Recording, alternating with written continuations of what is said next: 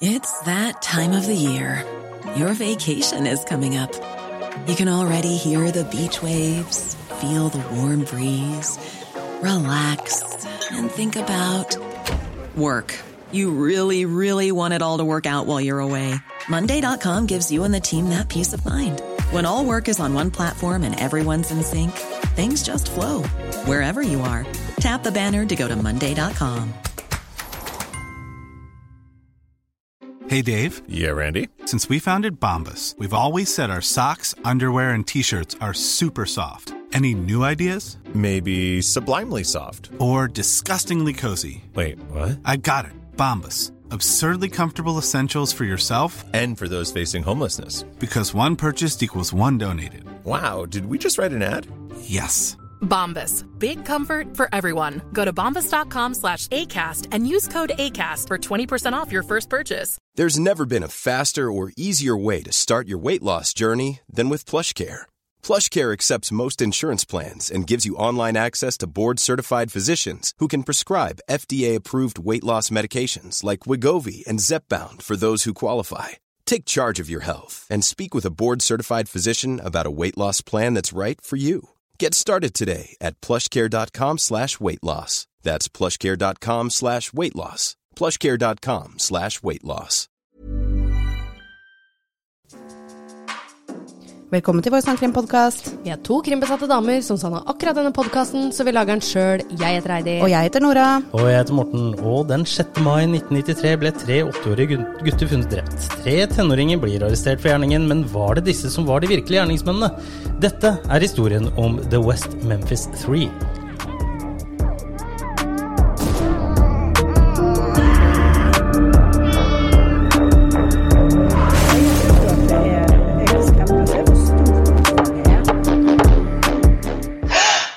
Hei, Nora. Hei, Heidi. Hei, Morten. Hei, Ja, Morten. Hei, Nora. Hei, Heidi.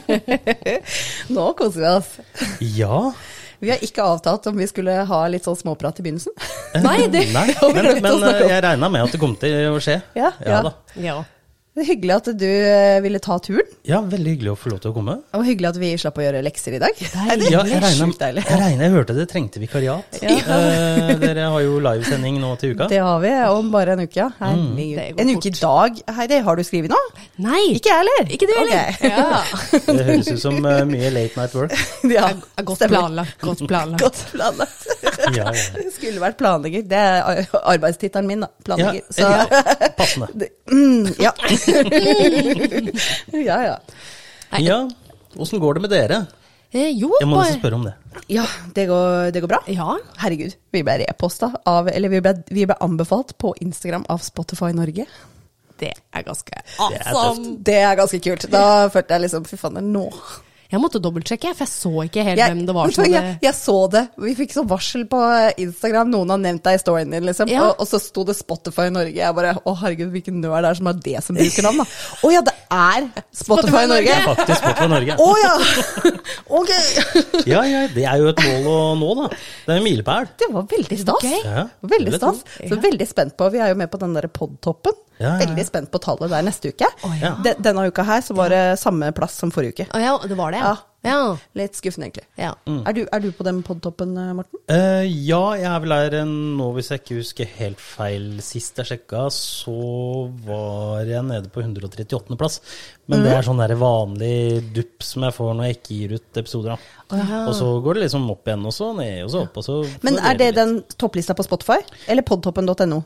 Eh, det er vel en som er kobla til Uh, topplista på Spotify, tror Ja. jeg. Der veit jeg ikke hvor vi Å Oh, nei, det vet jeg ikke. Men vi var faktisk 139 på podtoppen nå. Ja, riktig. Der er det jo uh, det, det, Jeg vet jeg vet ikke åssen de henter tallene sine, ja, men det er i hvert fall ikke bare Spotify. Nei, riktig. Podtoppen har jeg ikke, har jeg ikke sjekka. Bør jeg kanskje sjekke ut. Ja, jeg er litt usikker på åssen man kommer med der. Jeg fant deg. Ja, du oh, ja. gjorde det? På podtoppen? Ja. Dæven. Ja, se, 267. Det er ikke verst, altså. Nei. Jeg er veldig fornøyd med det, faktisk. Ja, men så bra. Ja. Det var det jo. Ja. Vet du, jeg, og jeg, jeg som hadde så lyst til å være med på Podtoppen før vi var med på Podtoppen. Jeg skjønte ikke hvordan vi kunne komme med. Nei. Hvor er det du publiserer? Uh, Acast. Det gjorde ja. vi jo. Nei, nei, det gjorde vi ikke. Det gjorde vi ikke. Nei. Vi brukte Anchor. Yes, Greit. Ok. Det var forskjellen. For det var, det, jeg så jo det når vi søkte opp eh, på podtoppen her, så er det veldig mye Acast. Sant. Nå blir det veldig mye sånn her teknisk prat som ikke er så interessant å høre på, Det da. er sånn podkastnerder pleier å prate om. Oi, oi, oi. Ja. eh, veldig interessant sak du har valgt. Dette visste, visste jo jeg og Heidi ingenting om, selvfølgelig. Ja. Som vanlig. Nei.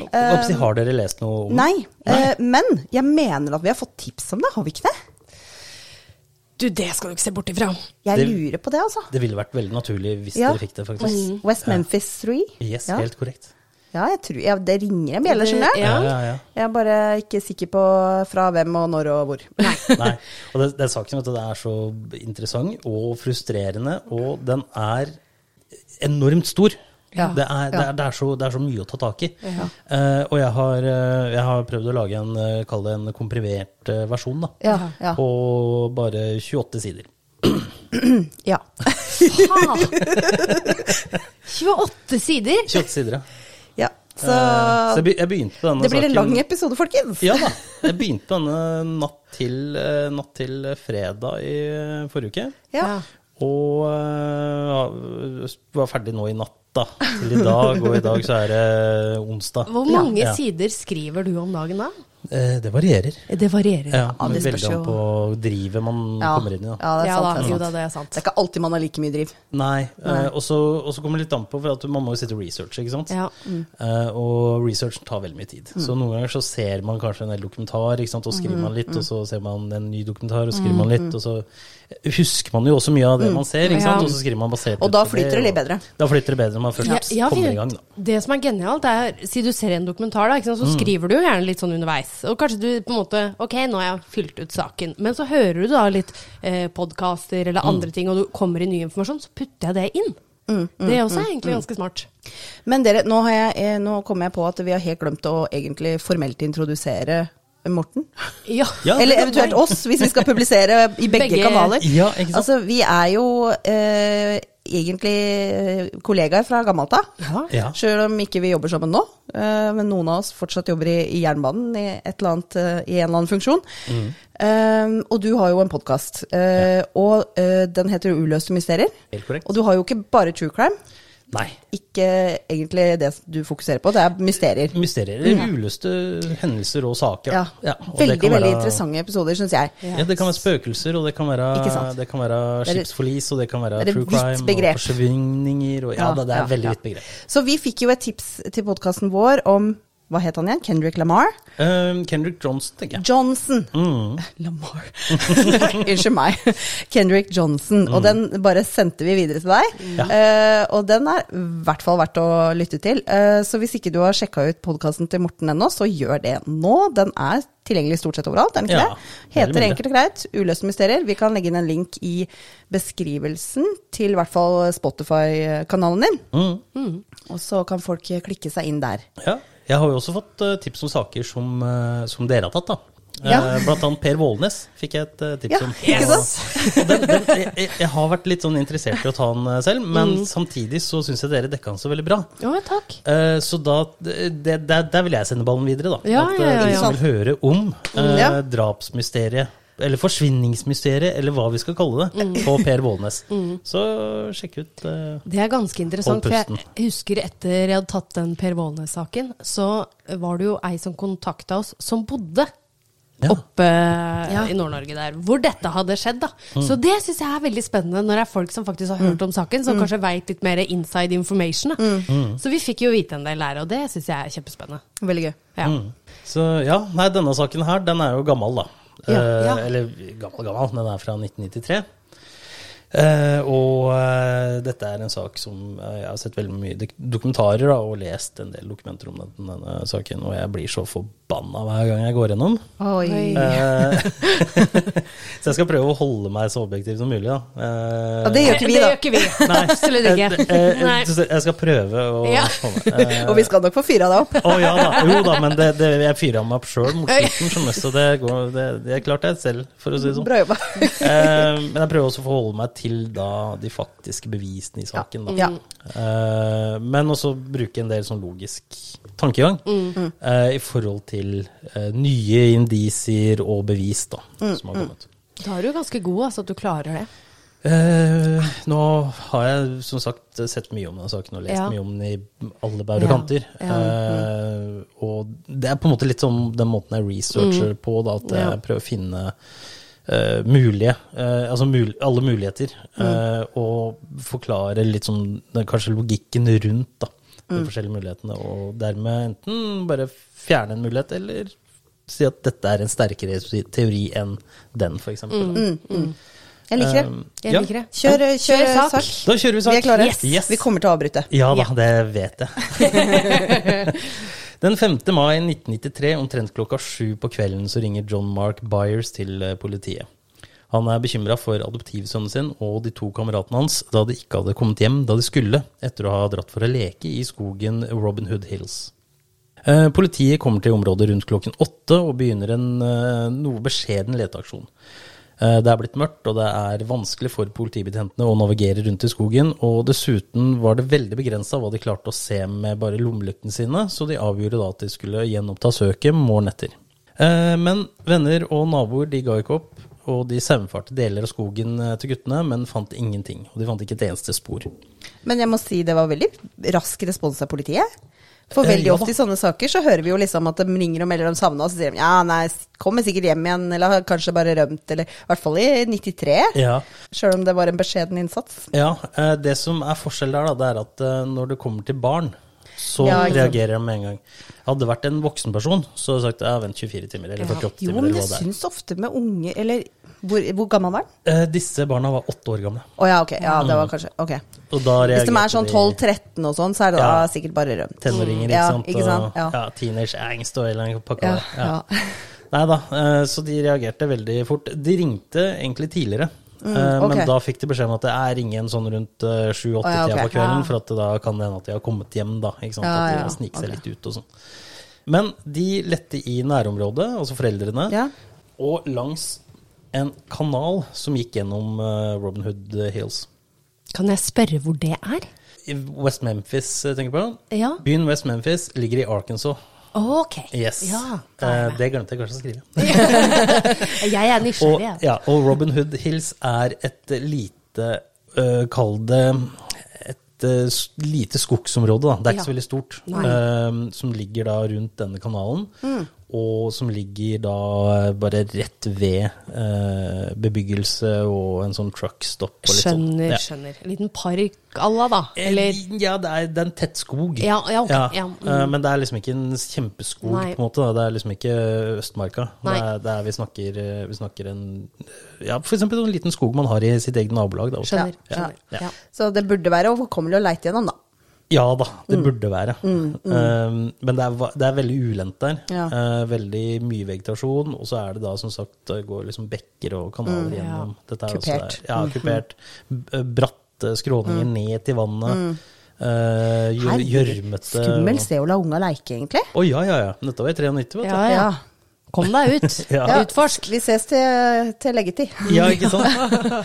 Eh, morgen etter klokken åtte så starter eh, politiet søket. da. Og ikke bare i skogen Robin Hood Hills, men også rundt hele Memphis. Eh, de fokuserte riktignok eh, søket i skogen der guttene sist har blitt sett, og gikk manngard gjennom området skulder til skulder uten å finne noen tegn til guttene. Herregud. De var ganske mange når de går manngard skulder til skulder. Ja, eh, De dekka området veldig sånn, eh, kall det mm, Veldig systematisk, mm. Ja. Å kalle området en skog er også som sagt noe overdrevet. da. Eh, så det, er, det var ikke store områder de trengte å søke.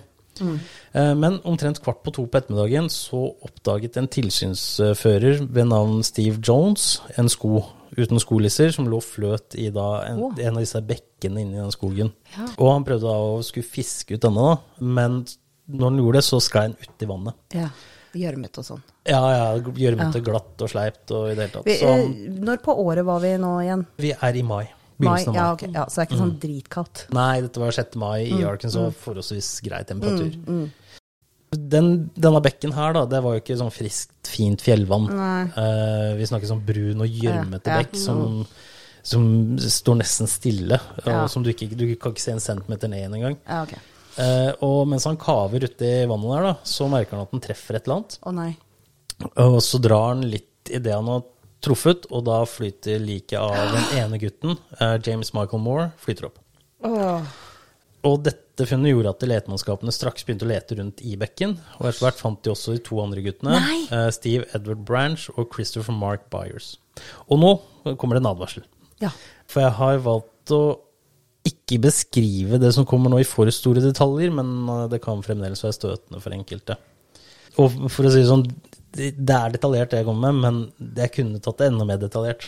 Eh, Det kommer litt mer detaljer senere, men eh, ikke i sammenhengen her. Vil du si at hvis man har unge barn, at kan kanskje det, være det litt, en det kan være litt kan være tungt, litt- ja. Det ja. kan være litt tøft. litt tøft å høre på? Ok. Ja.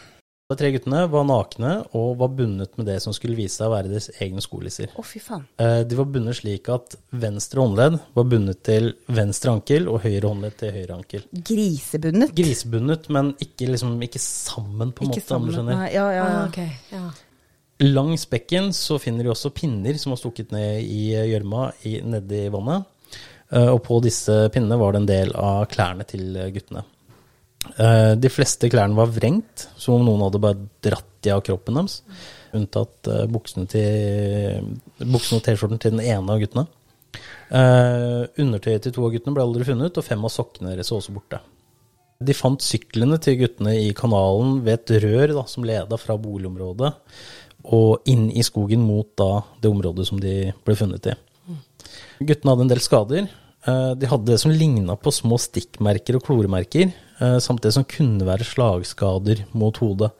Steve han hadde store eh, sår i ansiktet. Altså det, det er veldig, veldig mm, stort sår i ansiktet. ansiktet. oh, ja, ok. Jeg så for meg Det er ikke sånn du får når du sykler forbi en busk og du Nei, blir nei, nei. skrapa opp, liksom? Nei, nei, nei. Det har, man kan se bildene av uh, alle tre guttene uh, på nett. Det, det ligger fritt ute. Mm. Jeg skal komme litt nærmere tilbake til, til det etterpå. Og så hadde han også et bitemerke over det ene øyet.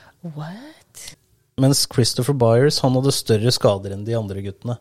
Eh, han hadde bl.a. tegn til flere slag mot kroppen, knust hodeskalle, rifter på kroppen, og i tillegg så var genitaliene hans også regelrett fjernet. Eh, det skal også være, altså resten, De to andre guttene hadde også slagskader mot hodet. Altså. Så det var veldig klart at de Man skulle tro at de døde av de slagskadene, men obduksjonen av guttene viste at de døde av drukning. Nei. Jeg vet ikke hva som er verst. Hvorfor Hvorfor reagerer vi sånn? Det er bare fælt å høre på. Ja, ja. Eh, politiet trodde også at guttene hadde blitt seksuelt misbrukt, men det skulle vise seg å ikke stemme. da. Ok. Jeg skal ikke gå i detaljer der, men det, det var litt måten, på måten kroppen faktisk reagerer når de dør og ligger i vann. Ja. Så kunne det se ut som uh, de hadde blitt voldtatt. ja, okay.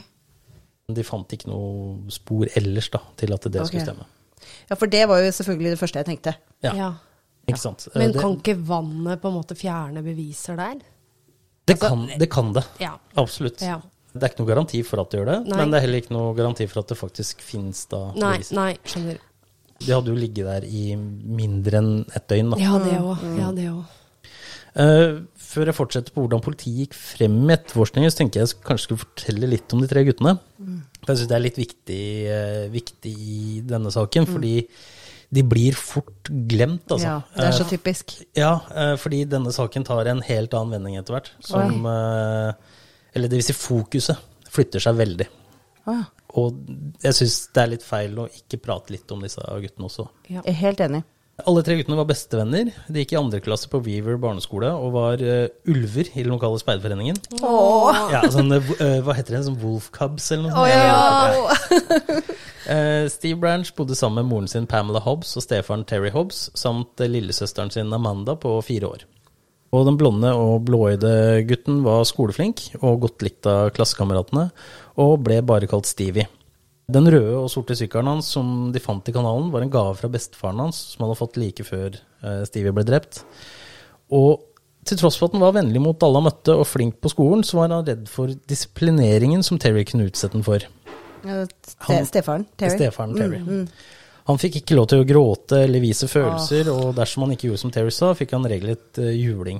Og det var ikke snakk om ris med belte eller den slags, men det var vold med nevene. Og det, altså etter han hadde banka ham, så låste han da Stevie inn i et skap. Nei, fy faen. Og det der provoserer meg så grenseløst. Og spe spesielt det der med at eh, gutter gråter ikke. Ja. Å, det er så giftig. Ja, og det var, det, det var andre ting. òg. Han måtte liksom ligge på ryggen. Uh, altså, play dead roach. Død kakerlakk. Ja, lek død kakerlakk. Så måtte den ligge da med armene og beina da opp. Som vi sier til en hund, da, ikke sant, spiller, Ja, så ja. legger han seg på Ja, ryggen. ja, Så han ligger sånn, og når han ble sliten da, og Ja. liksom begynte å ja. droppe ned armene igjen, så fikk han juling på nytt. For en sadist han stefaren var. Ja, ja, ja.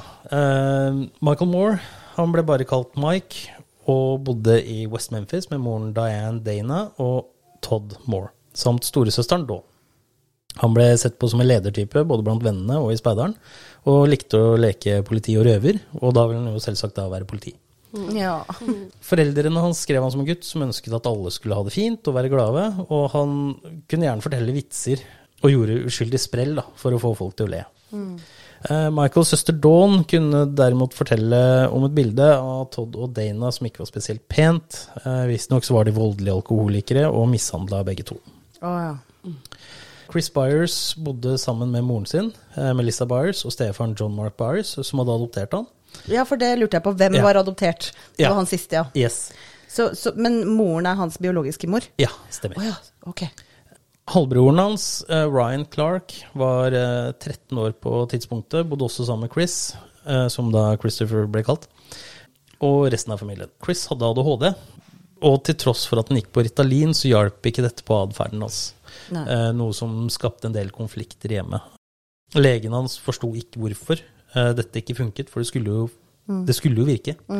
Men eh, i ettertid så har jeg blitt spekulert i, da, og dette er bare en spekulasjon, at en av foreldrene tok medisinen hans selv. For det var en del ja. det, det var litt eh, tunge eh, Hva skal jeg si De hadde litt laster, da, Ja, ok. Og Ritalin, det er sånn man kan finne på å ta for gøy også, det. Ja. Er det ikke det? Ja, jeg. Du, du har det? Ja, ja. Jeg trodde jeg hadde ADHD, så jeg, da prøvde jeg det. Ja. Hadde ikke det, altså. Hadde, hadde ikke det? Var det gøy, da? Eh, ja. Jeg, jeg fikk sånn det- tics på øyet. Det var ganske fascinerende. Men det er kanskje ikke sånn vi skal promotere. Nei, nei. det, det med Ritalin ikke sant, det er jo det at for barn så er det beroligende eh, hvis, du har, eller hvis barna har Ja. ADHD, men for voksne, ja. selv om de har ADHD eller ikke, så, så funker det motsatt. Oh, ja, ok. Mm, det er det, sånn jeg har Men, skjønt. men bare sånn innspill fra meg fra sida her. Det Ja. virker som han siste her, Chris, var det det? Han er den som hadde foreldre som var glad i ham, da. Um, Stefan Mark Byers var kjent for å disiplinere Chris. Oh, ja. Men, i Men det var jo han som ringte politiet, Ja, så han brydde seg litt, da. ja, I motsetning til Terry da, så brukte han heller belte. Ja, enn- for å gi en. Ja, ikke sant. Å, gud. Det, han, de var ikke sånn kjempegode venner, egentlig. Eller de var gode venner, men de var liksom ikke De, tre- de tre, eller Eh, far, Ja, ja det, det vil si stefaren og Chris, da. da. ja, okay, Ja. Kommer til litt senere òg, men uh, Mark Byers, han han mente i sin oppfattelse at dette var noe han gjorde av kjærlighet. Fordi det, var den, det var måten han Mm. Ja visste Det, altså- det var det han hadde med seg i kofferten. Ja, ikke sant. Det var sånn hans- han ja. mente at det, sånn her skal man oppdra et Ja. barn. Og uh, uh, mye av problemet var jo fordi at Chris hadde ADHD som han ikke fikk behandling for, og dermed så var han jo en urolig Mm. Gutt, som slet på skolen, og det skapte konflikter hjemme, og ja. Så det, alle tre guttene hadde jo, kom jo fra det jeg vil kalle belasta hjem, da. Ja. Men det høres ut som tre kjempefine gutter. Ja. Som går i speider og liker å være ute Og og de var bestevenner, og jeg tror de fant veldig støtte i hverandre. Ja, da. og at det var sikkert. derfor de hele tiden hang sammen. Og, og eh, ja det, det kommer litt mer tilbake til ting, da. Mm. Ja, ja. Eh, I West Memphis så var det pol- politietterforskerne James Sudbury og Steve Jones som fant guttene. Og som var de første til å undersøke åstedet. Og omtrent med en gang så uttrykte Jones at åstedet hadde det som så ut til å være tegn til at noe kult hadde foregått. Eh, I West Memphis så sto kirken og den kristne troen veldig sterkt. Det vil si, det gjør den nok fremdeles, kanskje ikke i like stor grad, men, og i 93 så var jo Satanic Panic, da. Var jo fortsatt veldig aktuelt. Ja. Det, det bølga jo over i USA på 80-tallet, Ja, ja. og godt inn i 90-tallet. ja. Og ikke nok med det at den var sikker på at ja, dette her, her har skjedd noe kult, dette ser jo ut som et satanistisk rituale, så visste han også hvem dette kunne være som hadde gjort. Ja, Sorry at jeg ler, jeg bare syns det er så tullete. Ja, ja, ja. Bare vent. Ok. Eh, og det var da en 18-åring som han kjente godt til, da. Ja, ok. Ja. Eh, og ifølge Steve Jones' egne ord, så sa han nå har endelig Damien Eccles drept noen. Ja, ikke sant. Mm. Så da eh, lager de en eh, hypotese, og så leiter de etter bevis som støtter den, eller? I, det kan man si. Det, det virker sånn. Eh, Jerry Driver, som var sjefen for kriminalomsorgen for ungdom på den tiden, ble bedt av politiet om å sette sammen en liste over ungdommer som de mente kunne stå bak denne grusomme eh, drapssaken. Hvorfor ungdommer? Kunne det ikke vært hvem som helst? De, jeg tipper de tenkte som så at eh, ok, dette er et satanistisk ritual. Hvem er det som holder på med det? Det er ikke voksne mennesker, det er ungdommer. Ja, jeg, tipper, jeg tipper at de, de hadde Eller det, det, det vil bli ganske synlig eller tydelig, da. Ja, At eh, de hadde et tunnelsyn som Ja. Ikke ligner grisen. Okay. Denne listen da, den besto av omtrent eh, ti personer, deriblant uh, Damien Wayne Eccles, 17-årige Jesse Miss Kelly og 16-årige Jason Baldwin. Og de to siste de skal jeg komme tilbake til. Eh, det var også andre personer som politiet undersøkte, men som eh, det, ja, en eller annen grunn så har de, de bare forsvant. De ble skrevet ut saken veldig fort. Ah. For jeg tror nok allerede den 7. mai da, så hadde politiet et tunnelsyn på én person. Eccles. Da kalte de inn eh, Damien til et avhør, hvor han måtte ta en løgndetektortest. Eh, har han nekta selvsagt for all involvering i saken, men testen viste at han på en eller annen måte løy. To dager senere fortsatte politiet avhøret og stilte spørsmål rundt hans satanistiske tro. Og opptak av avhøret viser at Damon forklarte at han slett ikke var noe satanist, men han fulgte den paganistiske troen Wicca. Ikke sant? Han forsøkte å forklare at ifølge hans tro så skal man ikke skade andre, fordi det vil slå trefoldig tilbake. Det er jo en del av grunnprinsippene i Vika, og dette her begynte jo politiet å henge seg litt opp i, for at å, da var du tre. Å, herregud. Nei. Nei. Eh, og det spurte han heller også da, om han hadde kjennskap til forskjellige okkulte ritualer, om vann og blod og slike ting var viktige elementer, og rent hypotetisk, selvsagt, hva han trodde kunne ha skjedd med guttene. Dere, har- dere, har- dere, har- Det er dere, sånn sneaky ja, dere, dere har holdt på med på, eh, true crime i Ja, så ja. mange år, eller så lang tid nå, Ja. at dere har, dette har dere hørt før. Ja, ja, ja. Hva, ja, hva tror du kan ha skjedd? Ja, ikke sant. Eh, hva ville du ha gjort i en Ja. sånn, eller hva, hva Ja, Det ikke sant. verste av alt, sist gang jeg hadde om en sånn sak, det var en norsk sak. Ja, Ja, stemmer det.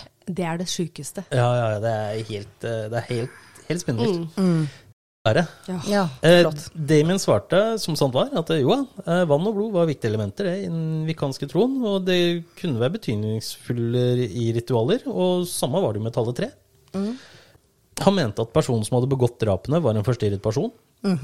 eh, videre forklarte han at alle mennesker hadde en demonisk kraft i seg, og at eh, denne personen, da, som hadde begått disse drapene, hadde ikke kontroll over denne kraften. Eh, Med det mente Damien rett og slett at man har, altså alle mennesker har både godt og vondt i seg. Ja. Ja. Han ble også spurt om hva slags bøker han likte å lese. Eh, hvorpå han svarte at eh, ja, nei, han, kunne, han har lest bøker av Anton LeVay og Stephen King. Og etterforskeren eh, Bryn Ridge han stussa på det med LeVay, eh, fordi han hadde skrevet da den satanistiske bibelen. Ja, ja. Eh, som da forklarer satanismens leveregler og praksis. Og så syns han også at det var rart at en ungdom på 18 år likte å lese Kings bøker, som stort sett var skrekkromaner. Så dette ble jo i, i etter, etter hvert så vil jo faktisk, utrolig nok, ikke bare Anton Vei, men også eh, andre okkulte forfattere, og Stephen King, det vil jo bli gjort eh, Eller eh, tatt inn for å skape et bilde da, Ja, ja. Men, men altså, jeg, jeg bare lurer på, hvem, hvem tror han er i målgruppa til Stephen King? Guden veit. Altså, hvorfor skal ikke en 18-åring lese det? Hva, Nei, hva, hva er greia? Uh, ja, det kan du si. Og stakkars Damien sitter jo og svarer på spørsmål som om han tror at han er kalt inn som ekspertvitne, fordi han kan ting om det okkulte. Han bare ja, Ja, nå skal dere høre her. Ja. Stakkar. Og Ridge han spurte også Damien da, hva han trodde gjerningspersonen følte da han begikk drapene. Ja. Sant? Og det er også et spørsmål vi har hørt før. Yep. Og da sa han at nei, han antok da at personen følte seg vel vel. Og at, han, at det hele ga en følelse av makt. Og det er jo Altså, det, det er jo egentlig Basic. 101 Ja, i dag. ja, helt grunnleggende. Ja. Det ble utført flere avhør av Damon neste ukene, og han samarbeidsvilje. Lot politiet ta blodprøver og fingeravtrykk og sånn for at den skulle bli skrevet ut saken, Ja. for han mente at nei, jeg har ingenting med dette her å gjøre. Eh, ingen av bevisene på åstedet kunne kobles til Damien, og politiet sto på bar bakke. Og på dette tidspunktet begynte politiets etterforskning nå virkelig å stå i stampe. Presset fra media og de pårørende økte for hver time som gikk. Og det presset og overbevisningen om at guttene hadde blitt drept i et okkult ritual, det gjorde nok at politiet fikk eh, det tunnelsynet de hadde fra dag én omtrent. Og de ga seg ikke med å fokusere på Damon Eccles og de rundt han, til tross for at bevisene ikke pekte i den retningen overhodet. For å beskrive dette tunnelsynet politiet hadde, så kan jeg sitere Gary Gitchell, som var sjefsetterforskeren.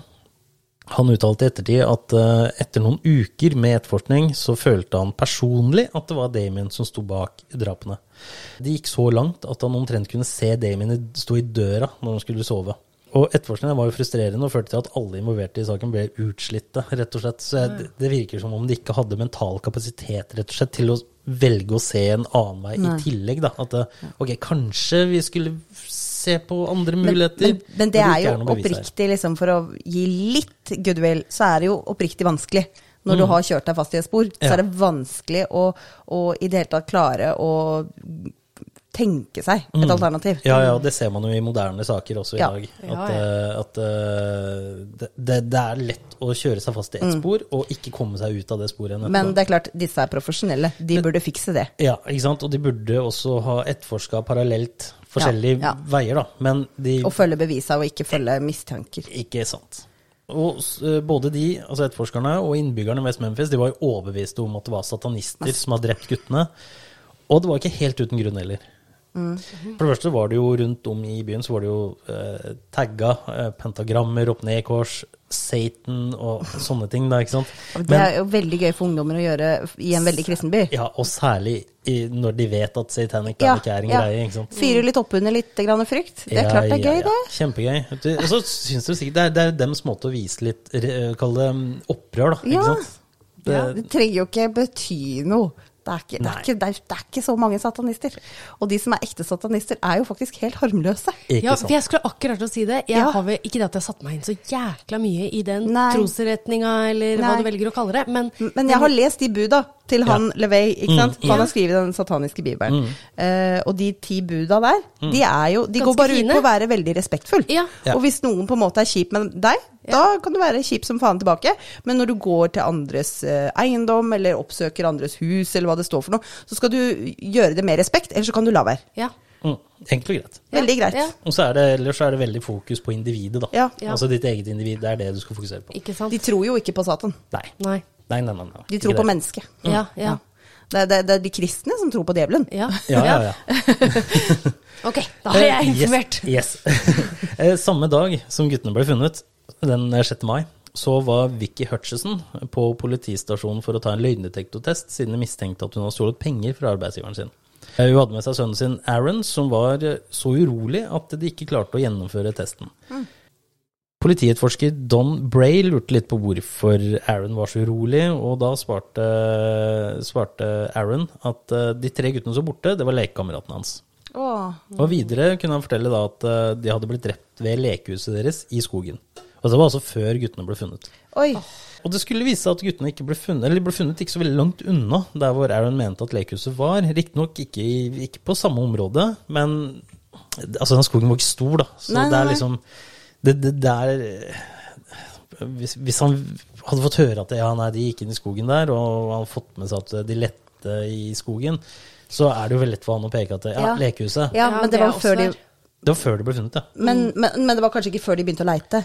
Eh, jo, de, let- de, de, det her var sjette, og de begynte på morgenen den sjette. Så begynte de å lete. Dette her var litt utpå formiddagen. Oh, ja, ok. Ja. Ja.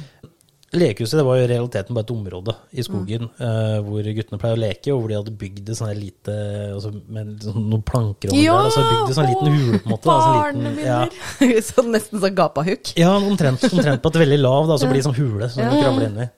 Og det, det var den gang unge var så unge at de, de ikke var redde for creepy crawlers og sånt. Ja, ja, ja. Mm.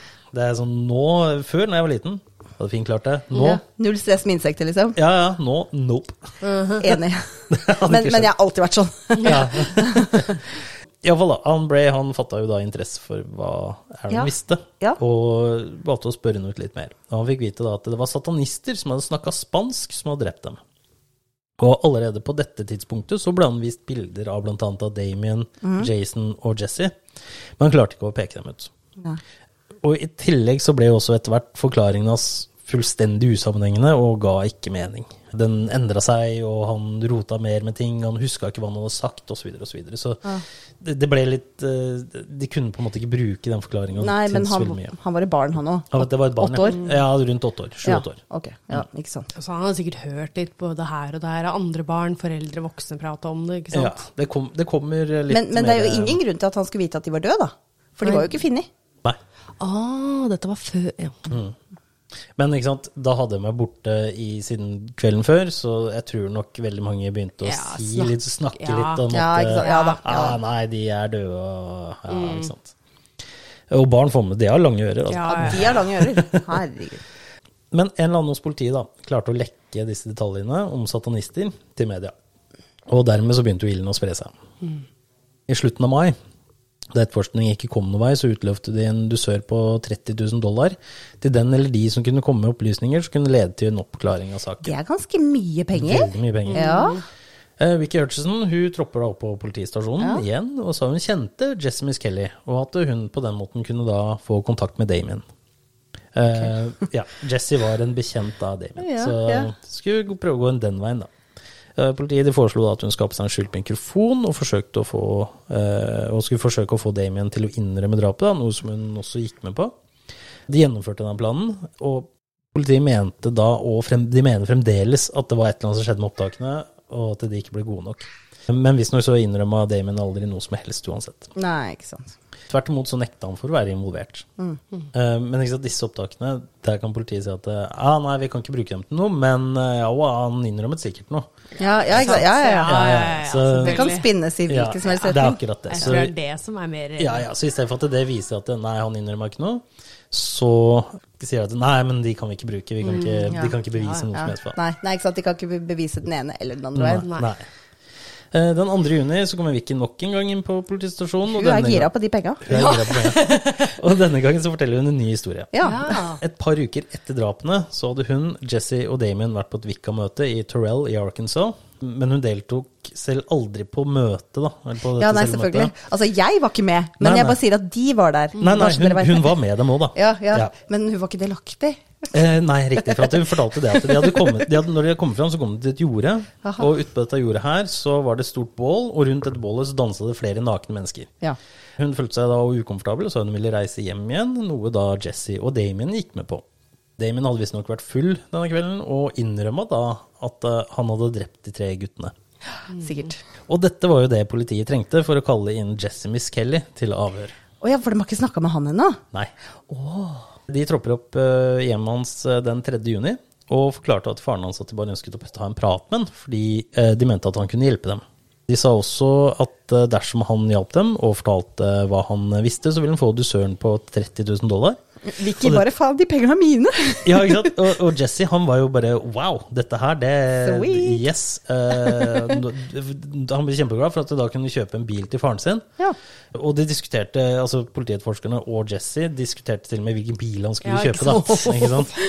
Så dermed så hadde jo ikke verken far eller sønn noe problem med at han skulle da hjelpe til da, til å løse en så alvorlig sak. Ja, det er klart. Begå litt grann med det for litt penger, det Ikke det er veldig Eh, fint. Det som da faren eh, Eller skal nevnes at faren han ga ikke tillatelse til at sønnen uh, skulle bli avhørt alene, bare til at uh, han skulle få lov til å prate. De skulle ta seg en uformell prat, da. Mm -hmm. uh, Ikke noe avhør, for Jesse var tross alt mindreårig. Mm. De neste 14 timene satt Jesse i avhørsrommet og prata og prata og prata med to etterforskere. Han fikk ikke lov av faren sin. Nei, egentlig ikke. Han hadde fått beskjed om å bare ja, Ta en uformell, Ja, liten en- prat, ja, liksom. ja. Ikke et 14 timers langt avhør. Nei. Men da har vel ikke de lov til å bruke det som bevismateriale? Burde ikke det. Og jo da, fordi Det som skjedde, var at han tilsto at eh, han selv, Damien oh, ja. og Jason hadde kommet over guttene i skogen. Og der hadde Jason, nei, eh, Damien hadde både slått, sodomisert og knivstukket guttene, mens Jason og Jesse holdt dem fast. Han sa også at Jason hadde vært eh, eh, voldtatt en av guttene sammen med Damien, og, men at da Jesse selv hadde valgt å stikke fra stedet når hun så hva de drev på med. Men unnskyld meg, Ja. de hadde ingen knivstikk. De hadde det som ligna på knivstikk, disse ungene. Hvordan kan, hvordan, kan man ha, hvordan kan noen ha noe som ligner på knivstikk? Er det litt Ja. sånn uerfaren obdusent, eller hva skjer da? Nei, det, det, altså de skadene er litt sånn ra, merkelige. eh, fordi de kan tolkes i forskjellige På forskjellige måter, da. Eh, det, var, det, var ikke kni, altså det, det var ikke knivstukket, men Jesse sa jo det at de ble det. Og da, og da passer det. Eh, Fordi nei. man kunne tolke det ja, ja, ulike retninger? Ja, de, de hadde brukt en kniv på dem, ikke sant? Ja. Så politiet hadde jo nå alt de trengte da, for å arrestere de tre kompisene, Mm. og snart så hadde jo hele West Memphis fått med seg at Damien, Jason og Jesse var drapsmennene i Mm. den brutale saken.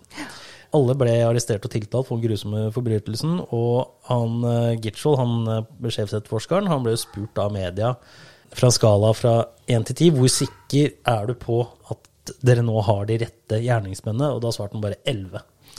Ja, ikke sant. Ok. Men det hadde jo sett dumt ut òg, hvis han hadde sagt nei, seks, sju. Ja, han, kunne, han, kunne- han hadde ikke behøvd å svare på det. Nei, det, han kunne bare sagt ingen ingen kommentar. Ja, ingen kommentar, eller Ja. det vil etterforskningen vise. Altså, ja. Ja. I ekte kristen nestekjærlighet da, så sto jo da folkemengden utafor tinghuset og ropte hva de ønsket å gjøre med de tre mistenkte. Altså, det var, det var lynsjestemning, for å si det mildt. Deriblant stefaren til Chris Byers, John Mark Byers. Han ble jo filma da av et nyhetsteam eh, mens han sto og forbanna de tre mistenkte til evig pinslig helvete, med sterke ønsker om rettferdighet, for å si det på en veldig, veldig, veldig pen måte. Ja. Rettssaken mot de tre den starta i 1994. Og det, altså han derre stakkaren som skulle kjøpe bilen til faren sin, det gikk jo til helvete. Ja da, fordi Jesse Sark Han ble jo ført impliserte seg jo sjøl. Ja, for Jesse Sark ble ført separat fra Damons og Jason. Oh, ja. Måten han, Det kan jeg ta, for det, det har jeg også glemt å skrive ned, men måten han impliserte seg selv, Mm. det var fordi en av guttene prøvde å stikke av, og da hadde Mm. han løpt, tatt tak i han og dratt med han tilbake. Ah. Og når de da hadde fått bundet den fast, så stakk Jesse, så han var ikke med på selve drapshandlingen eller noe sånt noe, ifølge hans forklaring. Ja. Men han impliserte seg selv at han hadde løpt og henta den ene gutten som prøvde å stikke av. Men årsaken til at uh, hans sak ble separert fra de to andre, det var fordi det var Jesses tilståelse som hadde ført til tiltalen. Og det er også litt fordi enhver som er tiltalt, skal ha rett til å konfrontere sine anklager. Og derfor så ville det gå mot den tiltaltes rettigheter å bli anklaget av en av sine medtiltalte. Å ja. Ja, det er, det er, det er en litt sånn komplisert lovgivning. Det var noe sånn der, eh, en eller annen eh, annen rettssak for gud veit hvor lenge siden i USA, som da at det var en sånn type lov, da. ja. Ja. Ja. Men, ja, men altså, bare sånn for å ha det på det rene, jeg tror ikke noe på den. Nei, nei, nei. Ikke du heller? Nei. Nei da, eh, for før rettssaken så hadde jo Jesse trukket tilbake tilståelsen sin. Han hadde ja. Og så ja. hadde han innrømma på nytt, og så hadde han trukket tilbake igjen, og så hadde han innrømmet på nytt. Og så, sånn, ja, det hadde gått sånn fram og tilbake. Han mente at han hadde blitt uh, trua, Ja. øh, overtalt, blitt Mm. slitt ut og blitt Mhm. utsatt for subtile trusler og nærmest blitt veileda i forklaringen sin. Det har jeg ingen problemer med å tro. Nei. Og selve tilståelsen som ble spilt inn, ble det også gjort av poeng, et poeng av, da. Jesse han satt jo i avhøret nærmere 14 timer, og av disse 14 timene kan de rette hvor mange, eller hvor lang tid, da. Hvor langt opptaket var av de 14 timene. Ja. Og det er sikkert enten hele tida, eller sånn latterlig lite. Ja, Så de har nok kutta det ut, redigert det, sånn at han For det er jo ikke lov. ja, nei, det var, det var visst uredigert. ja, Å, det var ja. uredigert Ja. Ja, men de har sikkert da sittet og grooma han i ti timer, og så har de en sånn ja, time, to timer opptak. To timer? Ja. 46 minutter. Fy fader! Av 14 timer så var 46 minutter. Jeg holdt på å si en halvtime, vet du. Mhm. Ja, det var ikke langt unna. I opptaket så kan du høre hvordan Jesse først forklarer at dette skjedde tidlig på dagen, før etterforskerne retter på han, helt til han sier at det var på kvelden. Så han sier at det, nei, det var sånn rundt uh, Første gang det var rundt tolv. At de da fant guttene, og at de hadde skulka og så videre, og sånne ting. Og så blir den retta på, retta på, retta på, og så plutselig var den klokka ni på morgenen. Så ble den retta på enda mer, og til slutt så var det på kvelden, da. Sånn at det passa okay, veldig inn i Så de har da grooma så mange timer for å få lurt ut en tilståelse, og så er den fortsatt så dårlig at Ja. de må rette på den. Ja, Og dette fordi, godtar retten, liksom? Oi, ja, og det blir bedre. Eller verre, alt ettersom. Eh, gjennom hele opptaket så kan du høre at etterforskeren nærmest former tilståelsen hans da, Ja. ikke sant? til at det passer til det narrativet. Og det, dette, er, dette er i opptaket hvor de sitter og former den. Ja, ikke sant? Ja. Hva skjer da, når ikke de tar opp? ja, ikke sant? Hva, hva ble sagt Ja. da? Ikke sant? Hvilke trusler var det som kom, osv. osv. Ja. Og det, altså, det, det er Han påsto jo, jo også uh, Altså Han bomma jo på skadene guttene fikk. Han påsto at uh, Damon Jason hadde voldtatt guttene, og han bomma jo fullstendig. Posene var bundet fast òg. Han sa at de var bundet med tau, et brunt tau, Ja. og at de var, de var ikke bundet på beina, men bare på hendene, og hendene var bundet foran. Altså, det, han bomma fullstendig på Ja. alt han kunne bomme på. da. Og, så- og, og, jeg, å, jeg skjønner hva du mener. Jeg, nå er jeg sint. Ja. Ja. Eh, hver gang Det er så åpenbart. Og det blir enda verre. Uh, hver gang Jesse sa en ting da, som ikke stemte med åstedet eller tidspunktet, og så, videre, så retter de på og stiller ledende spørsmål osv. osv. Det hadde fått han til å ta en løgndetektortest, Ja. og, den fortalte, eller, og de fortalte han da at uh, du feila på den. Ja. Uh, sannheten er at han besto den. ja. Og han okay. viste ingen tegn til å ha løyet på noen spørsmål hvorvidt han eller de andre hadde noe tilknytning til saken. Jesse fortalte også at han har vært på et brytestevne i en annen by den kvelden drapene skjedde. Eh, politiet de fortsatte i stedet bare å spørre om de samme spørsmålene om hvem som hadde begått drapene osv., og, så videre, og de sjekka aldri ut om han faktisk hadde vært på brytestevnet. Idioter! Og Jesse han har jo selv fortalt i ettertid at hvis noen spør han om den samme tingen gang på gang på gang, på gang så blir han irritert, og så så bare svarer han det han tror de vil høre, for Ja. bare for å få det til å slutte. Ja, ja. Han, og det, det forsto han rett og slett konsekvensen av. Kan, men altså, faren sa at du, de kan få lov å ta en liten prat med en. Så er guttungen borte, i hvert fall 14 timer.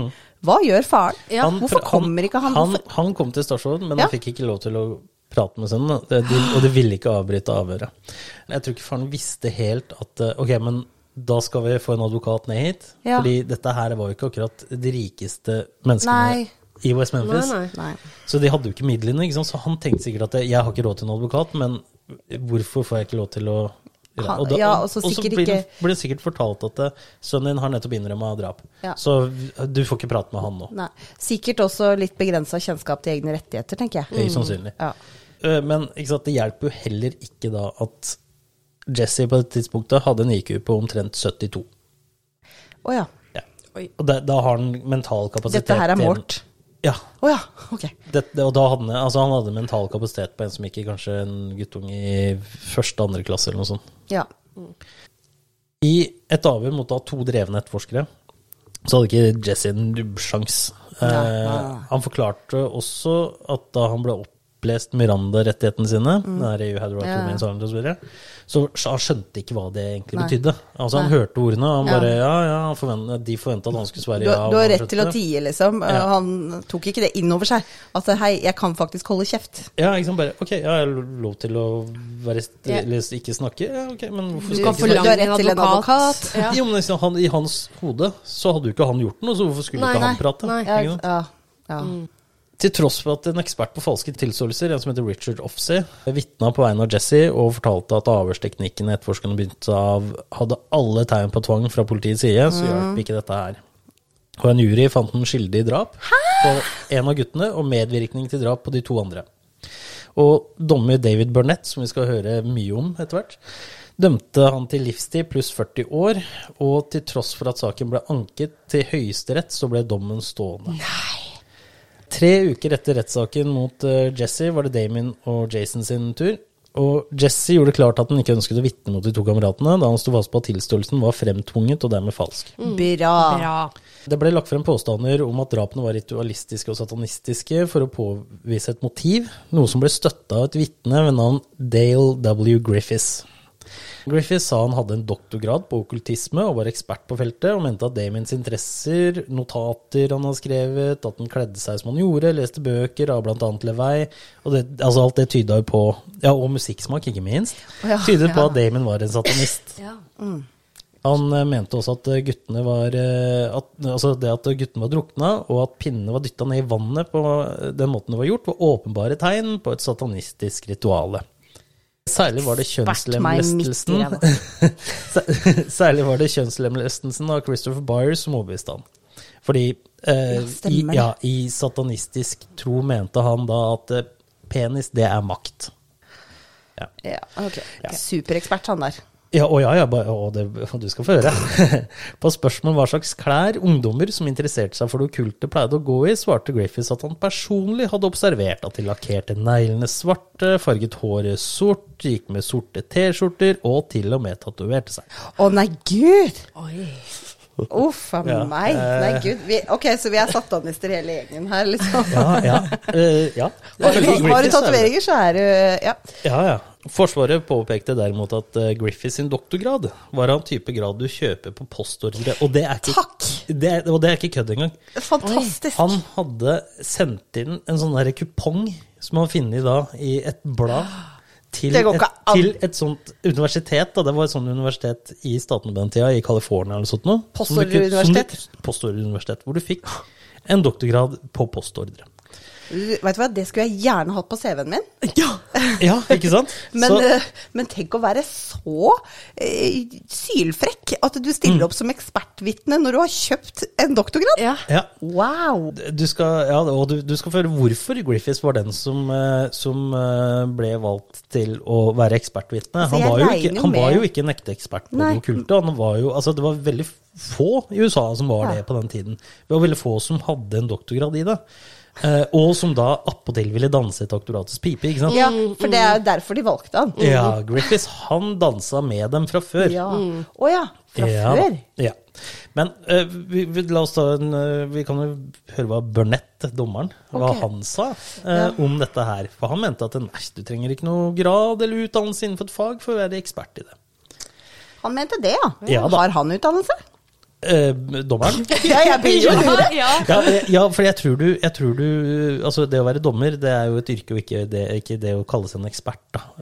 Nei, nei, Ikke men sant? altså, jeg bare mener eh, Rettferd, mangel på rettferdighetssans kan man jo lure på, da. Ja. Om, om, ja. Men eh, jeg kan jo også da nevne det med at i 1985, da Satanic Panic virkelig begynte å spre seg, så var Griffiths en av de som sto frem som ekspert på det okkulte. Ja, allerede Eh, da. han, ja, han begynte da. Eller som han selv sa, at de hadde eh, ja, altså I USA da, så sa han at de hadde alle mulige perversiteter som spredde seg i landet. Ja.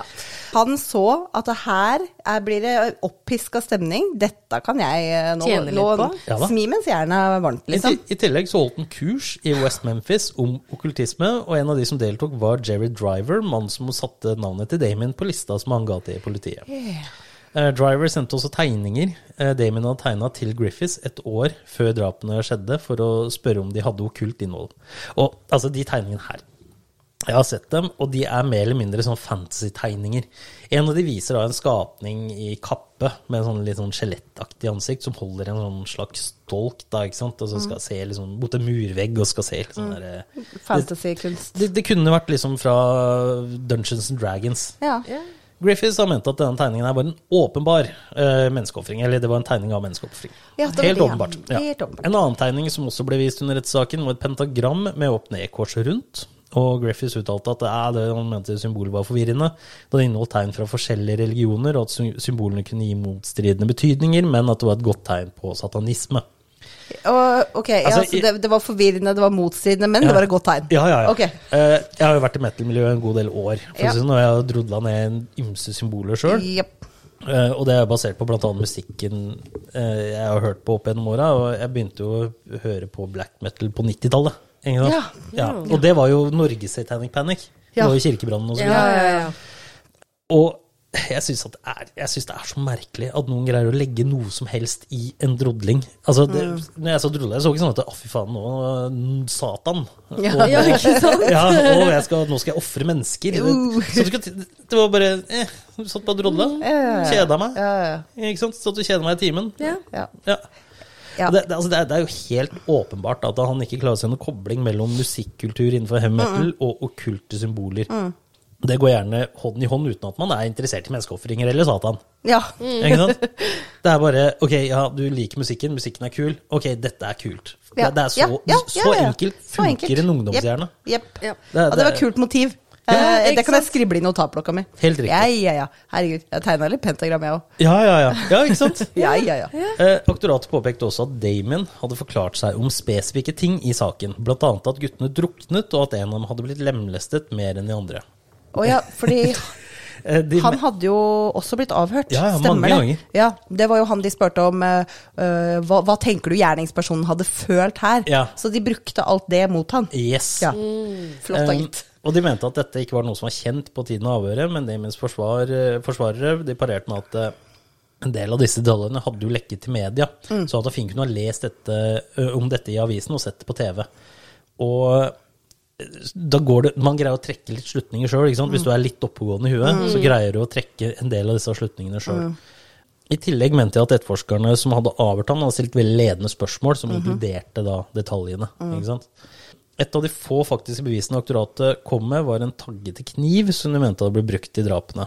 De hadde ekspertvitner som kunne bekrefte at guttenes skader kunne ha kommet fra en slik kniv. det, er, og det, det er en sånn der overlevelseskniv, sånn der svær en sånn rambokniv Ja, Som sånn du kan tatt. bruke Ja. nesten som en liten sag også. Ja, ja, ja, kan bruke det som alt mulig. Ja. Og den eh, fant de ved at politiet de fant ut at de skulle sjekke la et lite vann bak huset til Jason. Mm. Og på, akkurat på det punktet da, som de dykka, der fant de da denne kniven. Ja, selvfølgelig. Ja da, det var, de brukte ikke lang tid, for å si det Nei, sånn. å, han var sikkert ikke planta heller, Nei, tenker jeg da. nei.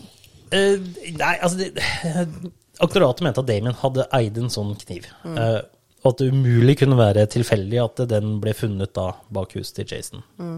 Eh, I tillegg var de så sikre på at det var en slik kniv som hadde blitt brukt til å påføre guttene skadene, og dermed så hadde de da koblinga de ønska seg mellom de, drapene og Damien. Hvorvidt Damon faktisk eide en slik kniv noensinne, uh, eller om det i så fall var den kniven, det er aldri blitt bevist eller motbevist for den saks skyld. Men jeg har lest litt sånn forskjellige steder at eh, om det var Damon eller Jason sa det at eh, nei, den kniven der, den har han lempa ute der over et år før drapene.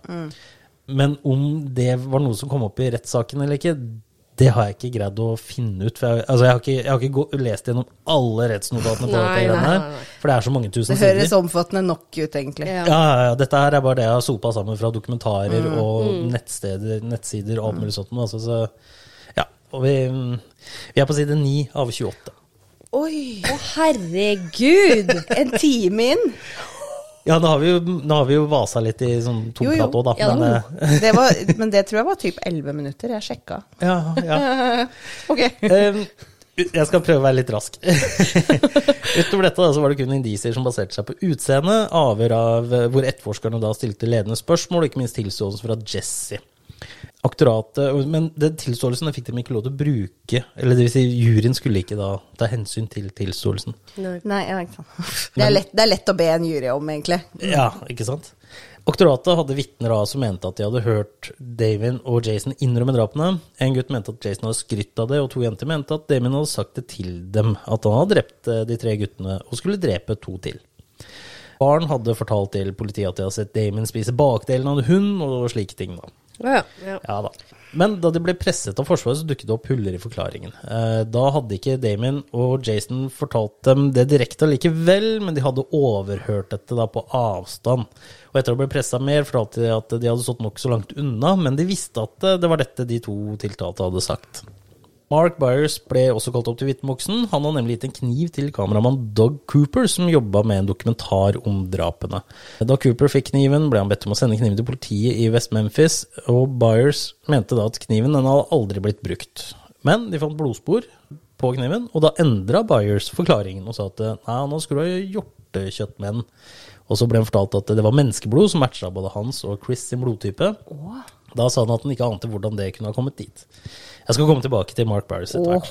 Oh. Det Ja, er Mark jo adoptivpappaen. Ja, og Mark Byers, han var den som Altså, han var kanskje den mest høylytte av alle personene utenfor tinghuset som Ja, beskyldte som da skulle lynsje disse gutta. Yes. Oi. Eh, ja, jeg skal ikke gå gjennom hver eneste detalj fra rettssaken. Fordi mye, uh, eller altså store deler av denne er rett og slett en farse. som ja, er det påvirka sånn av Satanic Panic. Og det er liksom sånn at advokater prøver liksom å finne uh, Altså hvordan de forklarer seg. Altså bare flisespikker på hvert jævla ord de sier omtrent. Selvfølgelig.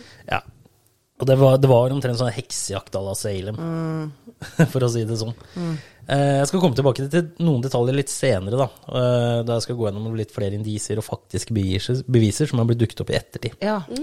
Spennende. Eh, forsvareren til Damien sa mot slutten av rettssaken at det å dømme noen for hvordan de går kledd, hva slags musikk som aktør på, hvorvidt de interesserer seg for det okkulte i seg selv, ikke skal være nok.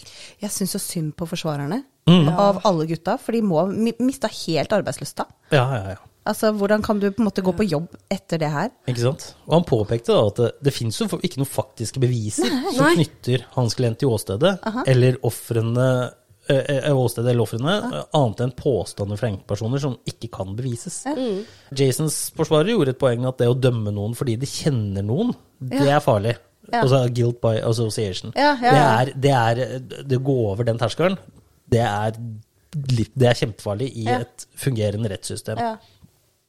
Eh, aktoratet påpekte at det var ikke noe galt å gå kledd som svart eller høre på heavy metal i seg selv, men hvis han kombinerer alt dette her og attpåtil titter inn i Damiens sinn, så vil man se at han ikke hadde noen sjel.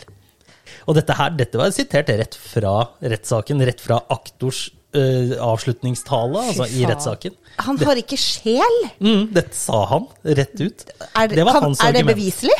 Ja, dette var jo, Altså, ja, du ja. Kunne, ja, hvis du så inn i Damien sinn, så ville Så- du ja, se ok, det. ok. det har han gjort, nemlig. Okay. Ja, tydeligvis. Wow. Både Damon og Jason følte seg trygge da på at de ikke ville bli dømt. Selvfølgelig, det hadde jeg også gjort, men det er Eh, De mente at de var uskyldige, og uskyldige mennesker de blir jo ikke dømt i den amerikanske rettssal. Eller Men til deres store overraskelse så fant juryen dem skyldig i drap på de tre guttene. Og Det skulle igjen, ikke vært mulig. igjen var det Burnett som var dommeren her, da.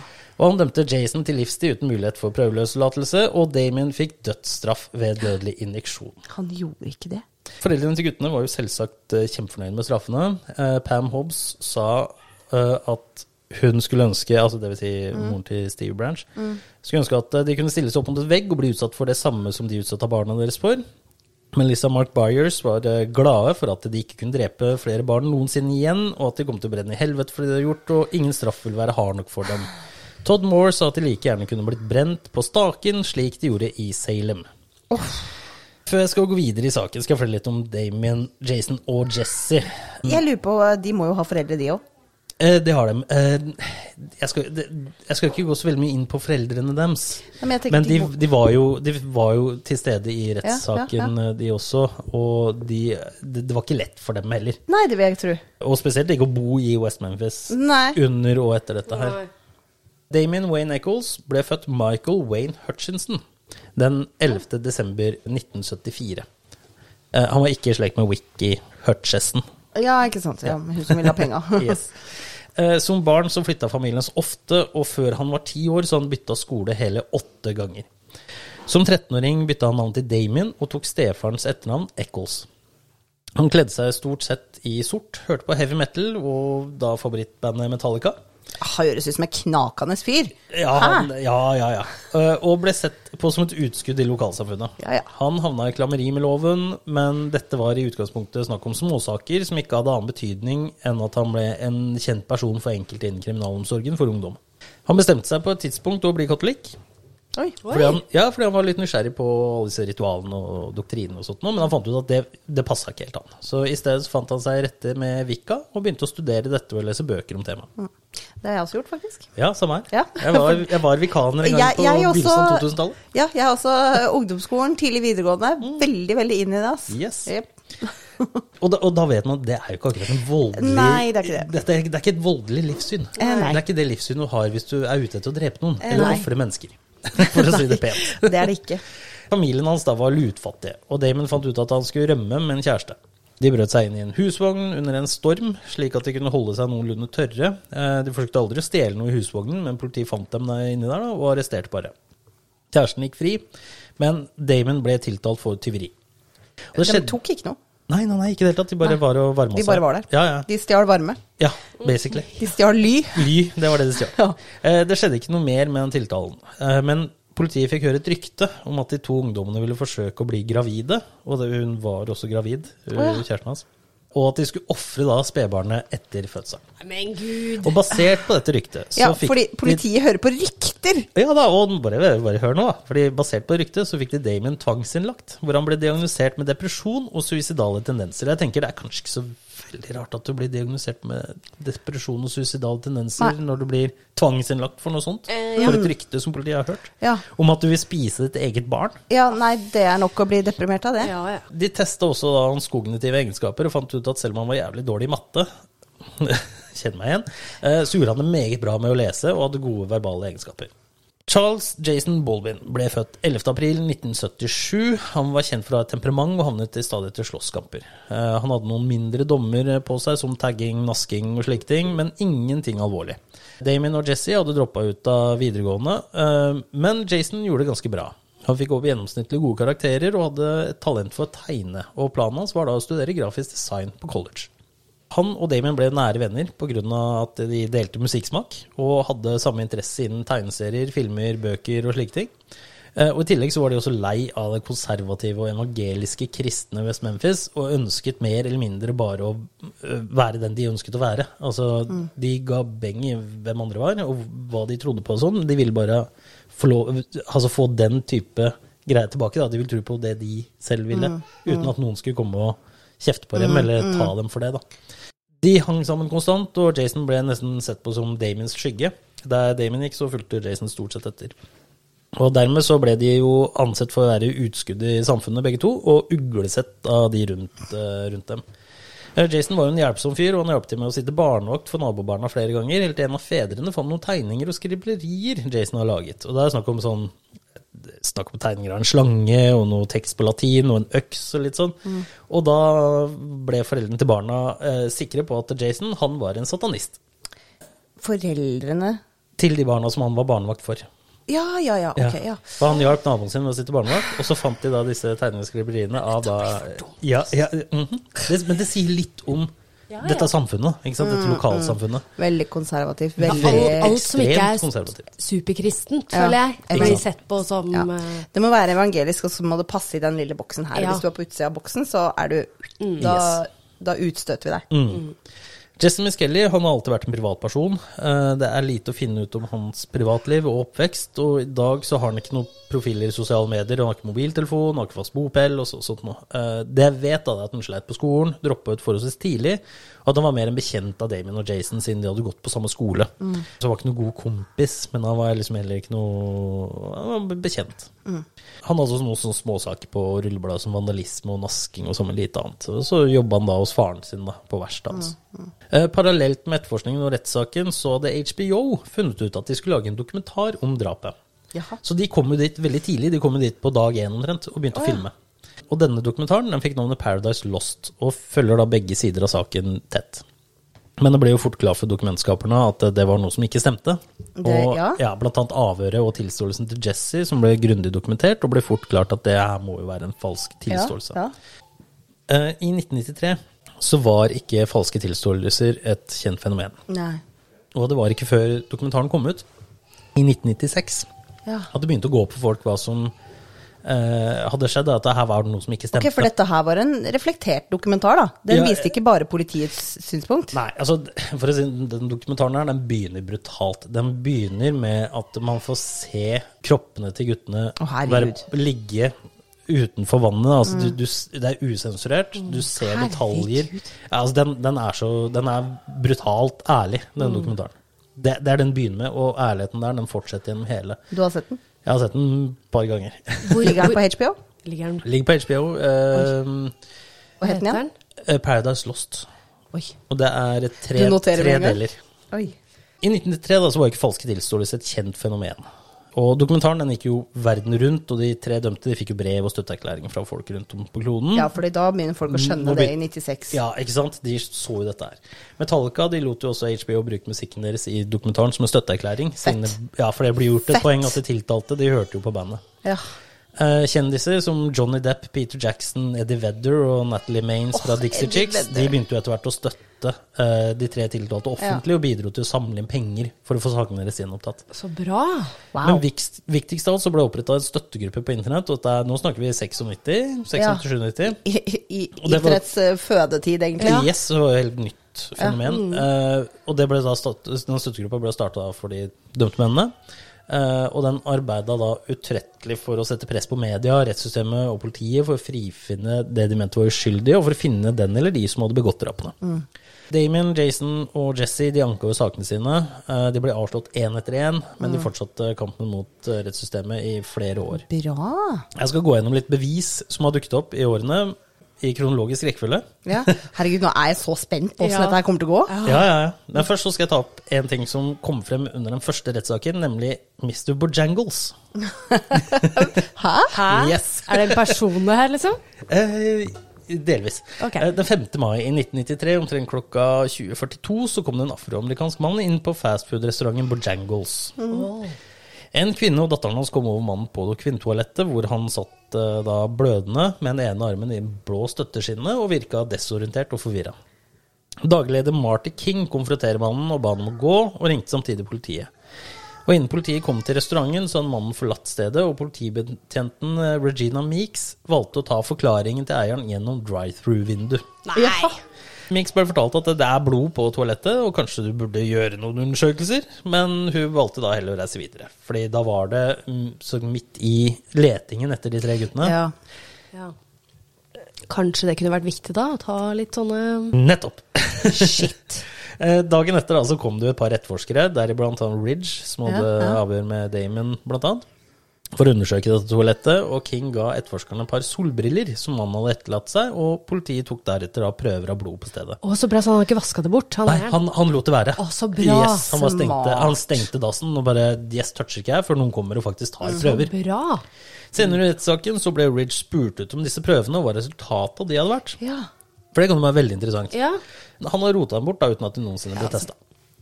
Tror jeg ikke noe på. Tror jeg ikke Nei, jeg ikke heller. I 1996 så fant Forsvaret ut at det var noe som ligna bitmerker på Stevies hode.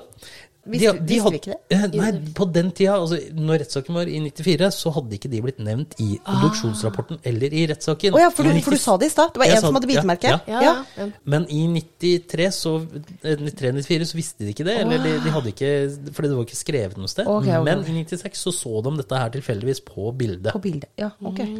På dette tidspunktet så hadde mistanken begynte å flytte seg mer og mer fra, bort fra de tre dømte. Ja. Og da snakker jeg sånn i public view. Pa- Ja, ja, i liksom Ja, og mot Mark Byers. Ikke sant? Åh! Mm, jeg visste det! Jeg fikk opp et rett flagg i huet mitt i stad. Eh, Byers han hadde vært veldig utagerende og aktiv i både dokumentaren Paradise Lost og i media. Og i Paradise Lost så er Adoptivpappa. Ja, ja, det er greit. Eh, altså Han er en person du, man la merke til. Mm. Og eh, mange begynte nå å mistenke at han kunne være den som sto bak eh, drapene, særlig pga. kniven.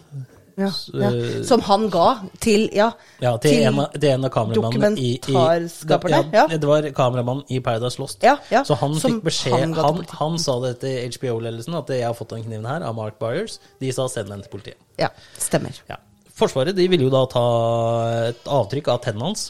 Mm, Men etter den første rettssaken hvor tanntrykk, eh, tanntrykk ble et eh, tema eh, se Etter den første rettssaken Ja. så ble tanntrykk et tema i 96.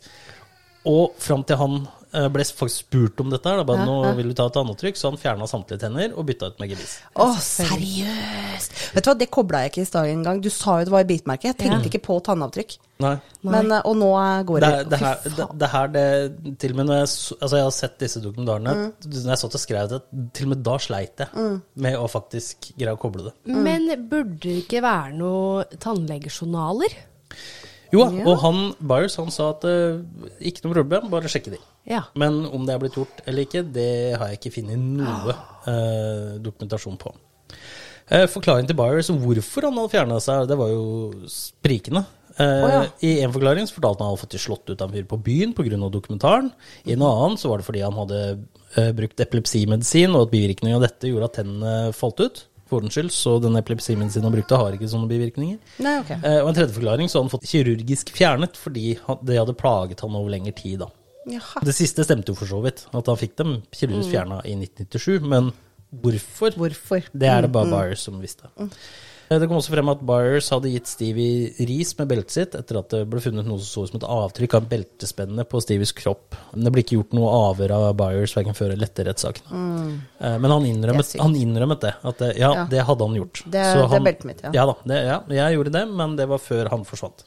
I 2003 så sto Vicky Hutchison eh, frem og innrømmet at all informasjon som hun hadde gitt til politiet, var fabrikkert. Ja. Ja. Hun påstod at politiet hadde truet henne med å få henne dømt for tyveri, og at de skulle ta fra henne sønnen dersom hun ikke samarbeidet med dem, og den derfor rett og slett hadde gjort det hun hadde fått beskjed om. Eller okay. penger. Ja, jeg holdt på å be om unnskyldning jeg nå, fordi at jeg anklagde henne bare for å være ute etter penger. Jo, men Eh, jeg tenkte men altså, penger. Jo, jo, men altså, det er ikke usannsynlig Nei, nei, at hun ble trua. Nei da, for dette her er jo hennes påstand. Ja, ja, ja, ja. I 2007 så fikk de endelig testa DNA fra åstedet. Oh, Yes. Og teknologien i 2007 var betydelig bedre enn i 1993, og resultatene skulle endre manges oppfattelse av saken.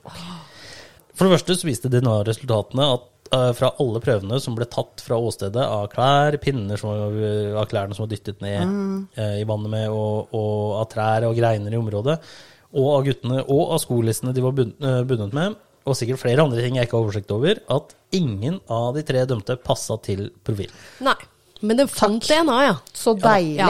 å høre. Et av DNA-bevisene var to hårstrå som de har funnet inni den ene knuten på lissa som Michael Moore var bundet med. Og Oi. ut ifra ett av de hårstråene så kunne de ta ut mitokondrielt DNA. Eller de kunne gjøre det fra begge. Men ja. ett av de hårstråene fant de bra resultat på. Men jeg skal komme tilbake til det. I tillegg fant de også et hårstrå på en trestue i nærheten av åstedet. Eh, og ja, mange true crime-entusiaster de har sikkert fått med seg hva mitokondrielt DNA er. I Norge så ble jo Jonny Vassbakk dømt for drapet på Birgitte Tengs basert Ja. på sånn type DNA. Jepp. Det som er vanlig rettspraksis i USA, da, det er at MTDNA Jeg bare kaller det MTDNA. Okay, okay. Eh, Det, det brukes ikke for å fastslå en gjerningsperson. Det Fordi- brukes for å utelukke. Yes, helt riktig. Okay. Fordi mange kan ha samme type MTDNA-kode. Men det kan bidra til å ekskludere mistenkte, ja. Som, altså mistenkte gjerningspersoner. De fastslo at ca. 1,5% av den amerikanske befolkningen kunne passe til dette MTDNA-et. Mm. Men Damien, Jason og Jesse var ikke blant de. Nei. Men selv om denne type DNA som regel ikke brukes til å peke på en bestemt gjerningsperson, så betyr det ikke at ingen kan bli dømt basert på resultatene, satt sammen med andre indisier som tilsier at det er overhengende stor fare for at vedkommende er den rette gjerningspersonen. Og det så vi jo i da i Birgitte Tengs-saken. Skal komme tilbake til det litt senere i teorien om hvem som kan ha stått bak. Du, det, det, her er bare, det her er bare to timer med du som erter oss. Ja. Ja, for det er, eh, det, det, det kommer jo fra podkasten Uløste mysterier. så Ja, ja, ja, du skal bare Ha det litt i liksom bakhodet. Ja. Aktoratet ble selvsagt da konfrontert med resultatene, men svarte ganske enkelt at staten stiller seg bak domfellelsen av Eccles og hans meddømte. Når var det her? Dette Var det i 07? At de bare Nei, vi stiller oss bak. eh, Shit, ass. Ja. Du skal ha for å kunne over, eller for å gjøre om en dom, da, så må du nesten komme med en gjerningsperson. Her er gjerningspersonen, her er hans DNA, og vi har sammenligna det med på Mm. på åstedet. da. så- Og han innrømmer det. Ja, Og han ja. innrømmer det. Det skal være så jævlig bankers, liksom. Yes. For å få andre frikjent. I 2008 så kom eh, det frem at en mann i juryen i den første rettssaken til Damon og Jason hadde diskutert saken med en advokat før rettsforhandlingene starta. Oh, altså. Kent Arnold hadde stilt eh, spørsmål til advokaten om hvordan han kunne få seg en plass i juryen, og hvordan han kunne få disse tre dømt. Advokaten ville ikke svare på dette og tenkte ikke så mye over dette her, helt til han fant ut uh, hvem som hadde blitt juryformannen i saken, nemlig Kent Arnold. Det var han. I 2008 så ga han en erklæring på hva som hadde skjedd, altså advokaten da, på hva som hadde skjedd i forkant av saken, og forklarte at Arnold bl.a. hadde sagt, da han ble spurt om eh, hvordan han kunne få seg en plass i juryen, at jurister og advokater var idioter som aldri stilte de riktige spørsmålene. Til tross eh, for at Arnold hadde bestemt seg for en dom før rettsforhandlingene, i motsetningen til etter, så hadde han altså ikke bare klart å bli jurymedlem, men også formann. Fy faen. Det var visse ting som juryen ikke fikk diskutere, og det var bl.a. tilståelse til Jesse. Eh, juryen hadde skrevet en liste på en tavle med punkter de diskuterte, og et av de siste punktene var omhyggelig strøket ut, altså var sensurert med svart tusj. Da Forsvaret gikk gjennom listen og oppdaget dette, måtte de prøve å finne ut hva var det som sto der. Eh, De fikk kontakt med et annet jurymedlem som hadde skrevet ned hele listen i usensurert format i notatboken sin, og den hadde hun Og tatt vare på det. Ja. Wow. Det som var strøket ut, var Jesse, Miskellis Jesse Ja. Miskelles tilståelse. Ja, ikke sant. Kent Arnold hadde altså da fått juryen til å diskutere bevis som ikke hadde vært tillatt i rettssaken, og det samme jurymedlemmet som hadde notert ned dette, fortalte at hun høyst sannsynligvis hadde stemt for frikjennelse dersom dette ikke hadde blitt gjort. Fy faen. For å toppe det hele så hadde Jessys advokat overhørt Arnold og Burnett prate sammen i lunsjen. Eh, Arnold hadde sagt eh, at de nesten var klare til å komme med en avgjørelse, og Burnett hadde sagt ja, dere trenger jo mat når dere kommer tilbake til domsavsigelse. Arnold hadde der, deretter spurt hva om den tiltalte blir frifunnet. Da hadde Burnett bare svart eh, Eller det han svarte aldri, han bare gikk inn på kontoret sitt og lukka døra.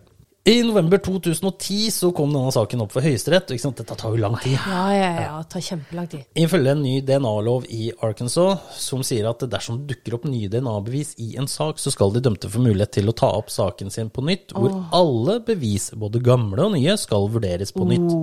Burnett og aktoratet hadde vært uenig i dette og mente at det kun var snakk om bevis som pekte mot, de dømte, mot at de dømte var skyldige. Det Men det stemmer jo ikke. Nei, men Det var det eneste som da de mente ja, det, det kan kun ta de bevisene som peker mot skyld. Det er de eneste som dere kan uh, få lov til å ta på nytt. Ikke de som peker mot uskyld. Det får de ikke lov til. Men unnskyld meg, hvilke såkalte bevis peker mot skyld? Ja, det- Jeg føler jo Ja. det er ingen. Veldig, så veldig, veldig mye indisier og påstander. her har du en Eh, hel uh, haug med null beviser. ja, ja. I tillegg var de av den oppfattelse at Arkansas og den amerikanske domstolen ikke dømte uskyldige mennesker til livstid og døden. Akkurat som disse stakkars gutta trodde. Ja. Høyesterett var heldigvis uenig i deres noe merkelige tolkning av loven generelt, Bra. og beordret dermed at saken skulle vurderes på nytt av en dommer. I tillegg skulle det også undersøkes om hvorvidt eh, jurymedlemmet Kent Arnold hadde gjort noe ulovlig. I høringen rundt Arnold så ble det åpenbart at aktor kjente han, fordi han kalte ham ved fornavn hele tiden, Ja. og stilte veldig ledende og enkle spørsmål til han. Burnett var også dommeren som skulle gå gjennom saken, utrolig nok. Nei, og nei. Arnold sto på sitt med at det ikke ble diskutert noe annet enn de bevisene som ble gitt eh, dem. Og I tillegg så kokte beskyldningene mer eller mindre bort i en annen ting som omhandlet at et annet jurymedlem hadde fått truende telefoner i forkant av domsavsigelsen. Og selv om forsvarerne prøvde å fors eh, protestere på dette her, da, og si at det er tydelig at juryen ikke var i stand til å kunne komme med en rettferdig dom, så avviste Burnett dem bryskt og avslo alle klager og forsøk på å få en ny rettssak basert på dette. Unnskyld meg. Ja. Dette blir tatt opp igjen i såkalt høyesterett pga. det kommer nye DNA-beviser. Ja, nei, dette, dette var eh, det Arnold, høring av Arnold, Kent Arnold. Det var høring av Arnold? Ja, ok. Fordi Burnett for, får ikke være dommer. Nei, for hel skal- heldigvis, okay. da, for West Memphis Free, så ble Og dette er jo også helt utrolig. Så ble David Burnett valgt inn til Senatet samme år. Nei! Og dermed så fikk de en ny dommer, David Lazer, som skulle vurdere saken. Han Og han sa, seg, han sa seg enig med Høyesterett og tillot en ny anke basert på de nye bevisene. Ja. Den 19. august Det er ballsy å gå mot senatoren, da. Ja. Det er det jo. Ja, ja. Men eh, samtidig, så du, du Går du mot senatoren eller Høyesterett? ja, ja. Eller folket. Ja. altså, Den 19. august eh, 2011 så ble det plutselig kalt inn til høring i rettslokalene i West Memphis. Godt og vel et par måneder før rettssaken egentlig skulle starte. Det som hadde skjedd, var at eh, dommer David Lazer hadde fjernet de tidligere dommene mot de tre mennene og beordret at de skulle få en ny rettssak. Ja. Bra. Aktor i saken, Scott Ellington, tilbød dermed The West Memphis Three en avtale fremfor å ta saken til retten nok en gang. Oi. Oi. Noen av faktorene var eh, DNA-beviset, som ikke bare fritok de tre mennene fra å noensinne ha vært på stedet, men også moren til en av jentene som hadde vitna. Hun har nå stått fram og ville vitne om at vitnesbyrdet til datteren ikke kunne være sant. Hun trakk sin egen datter troverdighet i tvil. Om ikke det var nok, så har til og med flere familiemedlemmer til ofrene snudd og sto nå på Forsvarets side, deri- deriblant Mark Byers og Pam, eh, Pam Hobbs.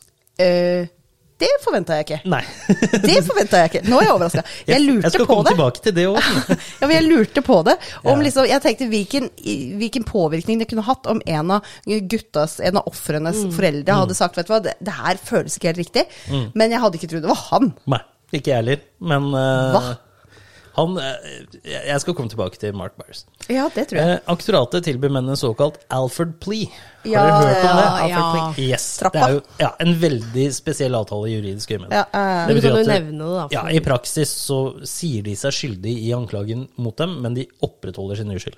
ja, det er veldig, veldig merkelig Ja. måte å Helt, helt, de, sier, de sier, sier ja på spørsmålet om de er skyldige i anklage, men de sier at de er uskyldige. ja. Altså, ja. De de skjønner at Det- det, det er noe er nok sånn- bevis Ja. for å dømme deg for det, men Eh, eh, Det, det, Men er det er nok det bevis for at det kan, de kan, det er Ja. nok bevis for at de kan dømmes, ja.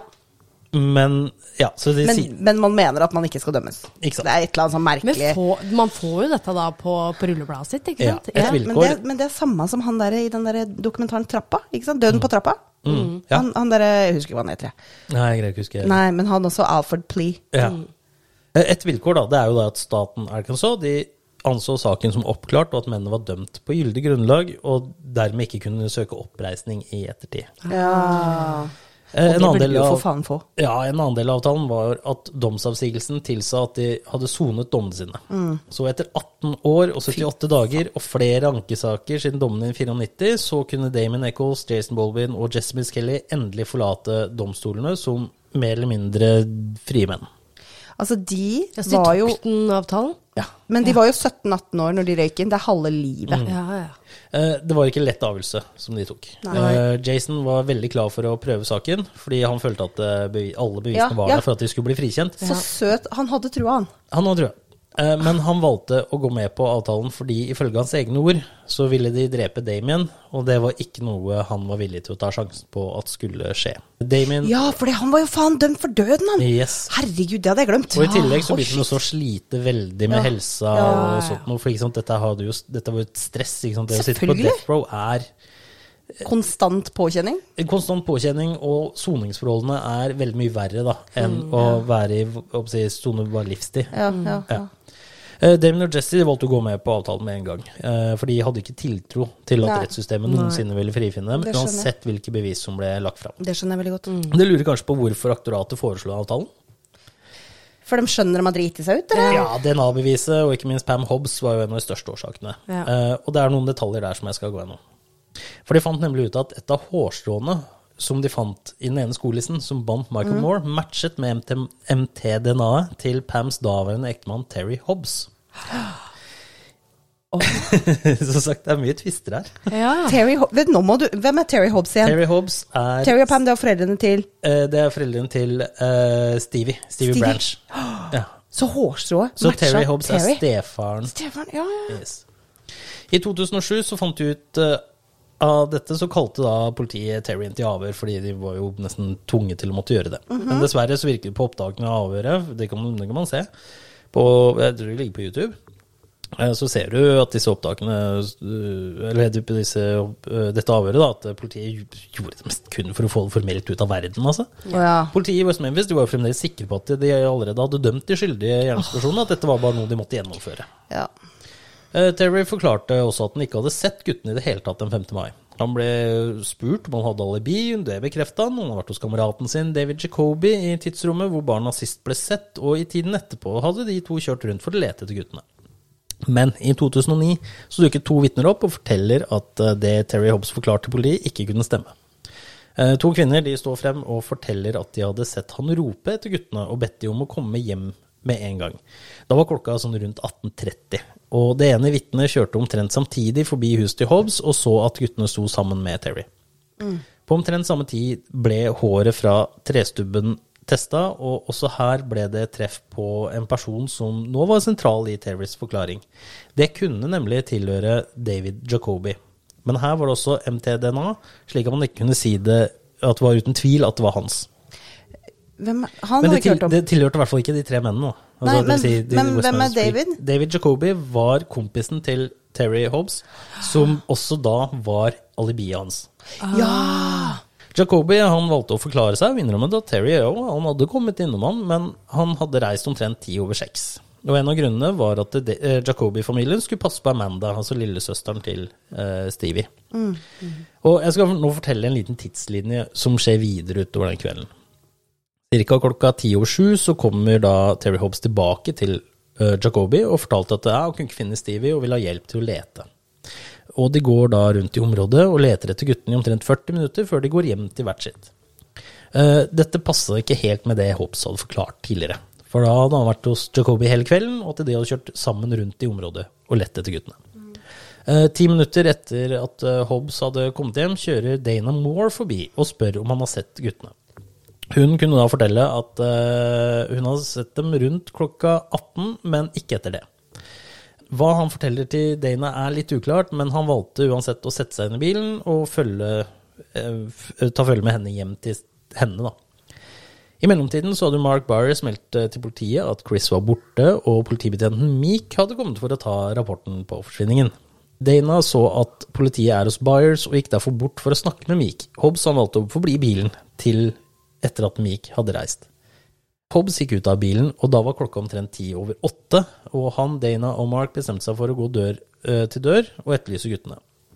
De får da høre at guttene har blitt sett i nærheten av Robin Hood Hills, og bestemte seg for å gå til skogen for å lete. Hobbs velger da å ikke gå sammen med de andre, og rundt 2035 så beveger han seg mot en annen inngang til Robin Hood Hills, dvs. Si den inngangen guttene stort sett brukte. Dana og Mark forsøkte å lete i skogen, eh, men det begynte å bli altfor mørkt. Eh, Hva Hobbs gjorde i mellomtiden, det kan man heller ikke si sikkert, men det neste man vet, er at han dukket opp hos Jacobi for å hente Amanda ca. ti over ni.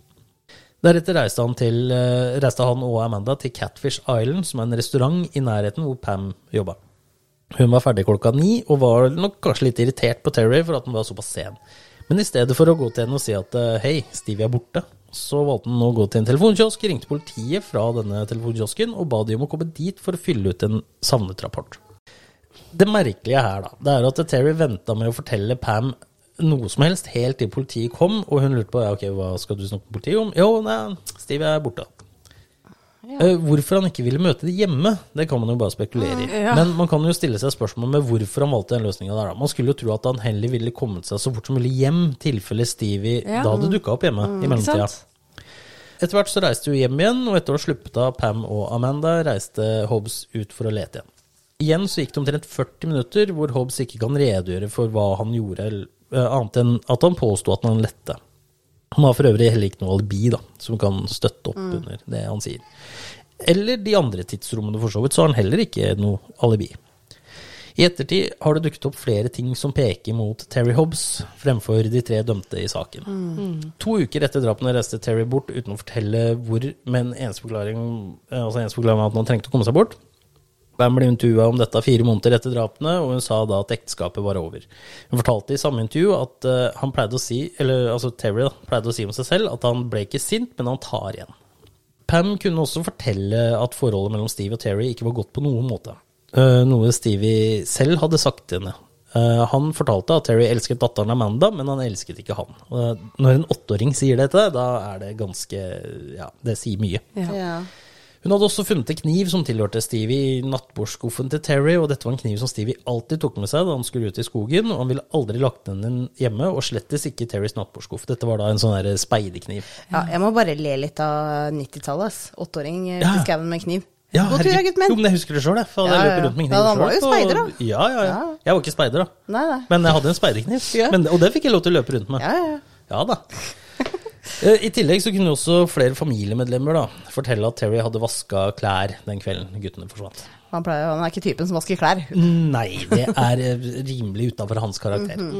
I 2008 saksøkte Terry Natalie Maines og Dixie Chicks for injurier etter at hun offentlig uttalte at han mente han var en ster eller hun mente at han var en sterk mistenkt i saken. Eh, Dette åpnet for at han nå endelig under ed kunne bli spurt ut om saken. Og da kom det frem en del detaljer om hva slags person Terry Hobbs er. Oh, jaså. Han ble konfrontert med at han hadde slått Pam med knytta neve, og det nekta han for.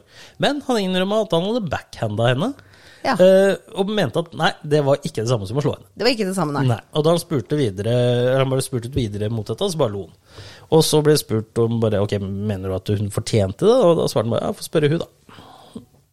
Eh, Han hadde Før- fått flathanna av meg. Før drapene hadde han også ferska Pam i å kysse en annen mann i hjemmet deres, og da hadde han sverga at Pam skulle få angre dyrt på det. Jaha. Før jeg går med noen mulige teorier, da, som jeg ofte gjør i saker som omhandler uløste mysterier, så skal jeg fortelle om en gjerning... Du kødder! Jeg glemte tittelen på podkasten din. Får vi ikke en løsning? Eh, Så skal jeg fortelle om en gjerningsprofil som eh, en av FBIs fremste profilører lagde. Det var tre unge gutter som var alene i et område de følte seg trygge i, og sånn sett var de ofre med lav risiko. Gjerningspersonen må ha tatt kontakt med guttene på et tidspunkt, og måten dette ble gjort på, var viktig fordi det var tre av dem. Ja. Man er også sikre på at det kun var én gjerningsperson. Grunnen til dette, eh, grunnen til at man kan si dette for sikkert, er at det som skjedde med ofrene, var sammenhengende. Det var ikke én som ble knivstukket og to som ble kvalt, f.eks., eller en som ble skutt og en som ble kvalt og en som ble drukna. Det var ingen indikasjoner på at det har vært flere gjerningspersoner. For det, samme mønster på alle. Man tror også at det var noen de kjente, fordi denne personen klar, øh, klarte å kontrollere alle tre ofrene uten hjelp. Eh, hvis det hadde vært en fremmed, kanskje en skummel person som kom mot guttene, ville de nok prøvd å flykte og prøvd å finne hjelp. Det indikerer at eh, dette var noen eh, som kjente én eller alle guttene. Det tyder også på at eh, dette var en person eh, de på en måte stolte på eller respekterte. La oss si de ble ferska mens de røyka eller var ute lenger enn de skulle, eller noe sånt, så ville det være mye lettere for en person som de hadde en viss som, eh, for dem da, hadde en viss myndighet, eh, å kontrollere dem, fordi de selv ville følt at de burde bli straffet fordi de har gjort noe galt. Dermed ville de også akseptert å bli straffa på en måte som de kanskje var vant med. På grunn av om, altså hvor de ble funnet, eh, hvordan klærne ble funnet, og hvordan de ble bundet, tyder mye på at gjerningspersonen var en mann fremfor en kvinne. En ting som uh, forsterker denne antakelsen, er voldsbruken. Det hadde antageligvis, uh, de hadde antageligvis blitt uh, uskadeliggjort på en eller annen måte, noe hodeskadene guttene også hadde tyder på. Eh, tilbake til hvordan de ble bundet, så kan det virke som dette ble gjort for å eh, gjøre flyttingen av kroppene mer praktisk, fremfor å forhindre dem i at de faktisk skulle flykte. Alt i alt så virker ikke det her planlagt overhodet, men snarere rett og slett et raserianfall som gikk for langt. Siden dette var noe som skjedde i et raserianfall, må personen reagere spontant. Dermed blir de bundet på, måte, eller på den måten, eh, fordi det er en måte som personen kjenner til. Som f.eks. en jeger eller en slakter Ja, eller noen ja. som jobber med dyreskrotter eller noe sånt. Ikke sant? For ellers bare bunte sammen og frakte det Ja, fortest mulig. enkelt. Enkelt, Enkelt og greit. Noe som også forsterker eh, at dette var noen guttene de kjente, er hvordan syklene ble funnet. For at gjerningspersonen skulle ha dumpet de der, så må personen ha gått tilbake bort fra åstedet, men mot boligområdene, og opptil vite om at syklene lå der. Å skulle bry seg med å forsøke å skjule disse, tyder på at vedkommende kan ha tenkt at syklene vil lede politiet til et spesifikt søksområde, og deretter mot gjerningspersonen. Og hadde ikke vedkommende kjent ofrene, så hadde neppe eh, personen brydd seg om å bruke så lang tid på å skjule syklene, eh, kroppene og ikke minst klærne. I stedet ville gjerningsperson, eh, altså, gjerningspersonen ville bare gjort gjerningen, og så forlatt åstedet. Dette var en impulsiv handling, eh, noe som generelt sett kan tyde på at gjerningspersonen var en ung person. Eh, Der hvor kanskje en ungdom på 17-18-19 år hadde gjort en slik impulsiv handling, så ville nok vedkommende rett og slett bare ha flyktet fra åstedet og håpet på det beste i ettertid. Ja. Men siden personen klarte å samle seg og handle under det som har vært et enormt stress, tyder det på at vedkommende var mer moden, og da i 30-åra. Eldre. Teorien fra FBI-profiløren som laget denne profilen, er at pers en person som kjente en eller flere av guttene godt, som hadde et visst myndighetsgrep over dem, og straffet én av guttene for hardt, altså rett og slett et, i et raserianfall som gikk over styr, fikk panikk og følte at han da måtte drepe alle tre for å beskytte seg selv. Rydde opp, liksom. Ja. Det var med andre ord ikke planlagt overhodet. Uh, profilen er at dette er en mann i 30-åra, gjerne med fast arbeid og i et langvarig forhold. Han kjente minst ett av ofrene, og hadde sannsynligvis også kjennskap til de to andre. Han var fra nabolaget, var godt kjent i området. Han var tilbøyelig for å ha voldelige utbrudd, og kanskje også vært involvert i vold i hjemmet. Straff var noe som var viktig for han, noe han så på som en korrekt disiplineringsmetode. Eh, og til slutt så hadde han en viss erfaring som jeger eller slakter. Ja. Av teoriene om hvem som kunne gjort dette, så begynner jeg mest åpenbare. Ja. Og da begynner jeg med The West Memphis 3. ja. Ja, det er jo åpenbart å begynne med det. Eh, det er jo de som faktisk er dømte for dette Jo her. da, jo da. Eh, og la oss si det faktisk var et satanistisk rituale. Damon, eh, Jason og Jesse hadde funnet ut at de skulle drepe disse guttene, og ifølge Jessys tilståelse så hadde de fulgt med på disse en god stund. Eh, Det logiske ville vært at de hadde tatt med seg utstyr for å gjennomføre gjerningen, som f.eks. et tau, fremfor å improvisere med skolissene til guttene. Sant. I tillegg så vil de også tro at med tanke på skadene guttene var påført, ville det vært store mengder blod på åstedet. Og det ble funnet særdeles lite blod på åstedet. Eh, Det kan jo tenkes at blod ble skylt bort i bekken, men det var ganske stillestående bekk. ja, stemmer det. Stemmer det. Antagelsene var eh, derfor at guttene ble skadet et sted og flyttet til dit de var funnet, noe som også måten de ble bundet støtter. Det var derfor du sa det der med syklene. Mm. Uh, som om gjerningspersonen ikke ville at man skulle leite ved syklene. Ja, ikke sant. Ja, men syklene ble funnet lenger bort fra åstedet, så antageligvis så guttene har slengt fra syklene ved et sånt rør som gikk over kanalen og inn i skogen, og så har de løpt inn i skogen, og kanskje da gjemt til skjulestedet, eller hjemmestedet sitt, eller lekehuset sitt, eller hva du vil. Eller gapauken, eller Ja. Og der hadde de blitt drept, men flytta nærmere på en måte syklene sine igjen, da, Ja, og dumpa i vannet der. Ja. Og så går da gjerningspersonen tilbake igjen over den brua, ser de syklene, lemper ut i vannet. ja.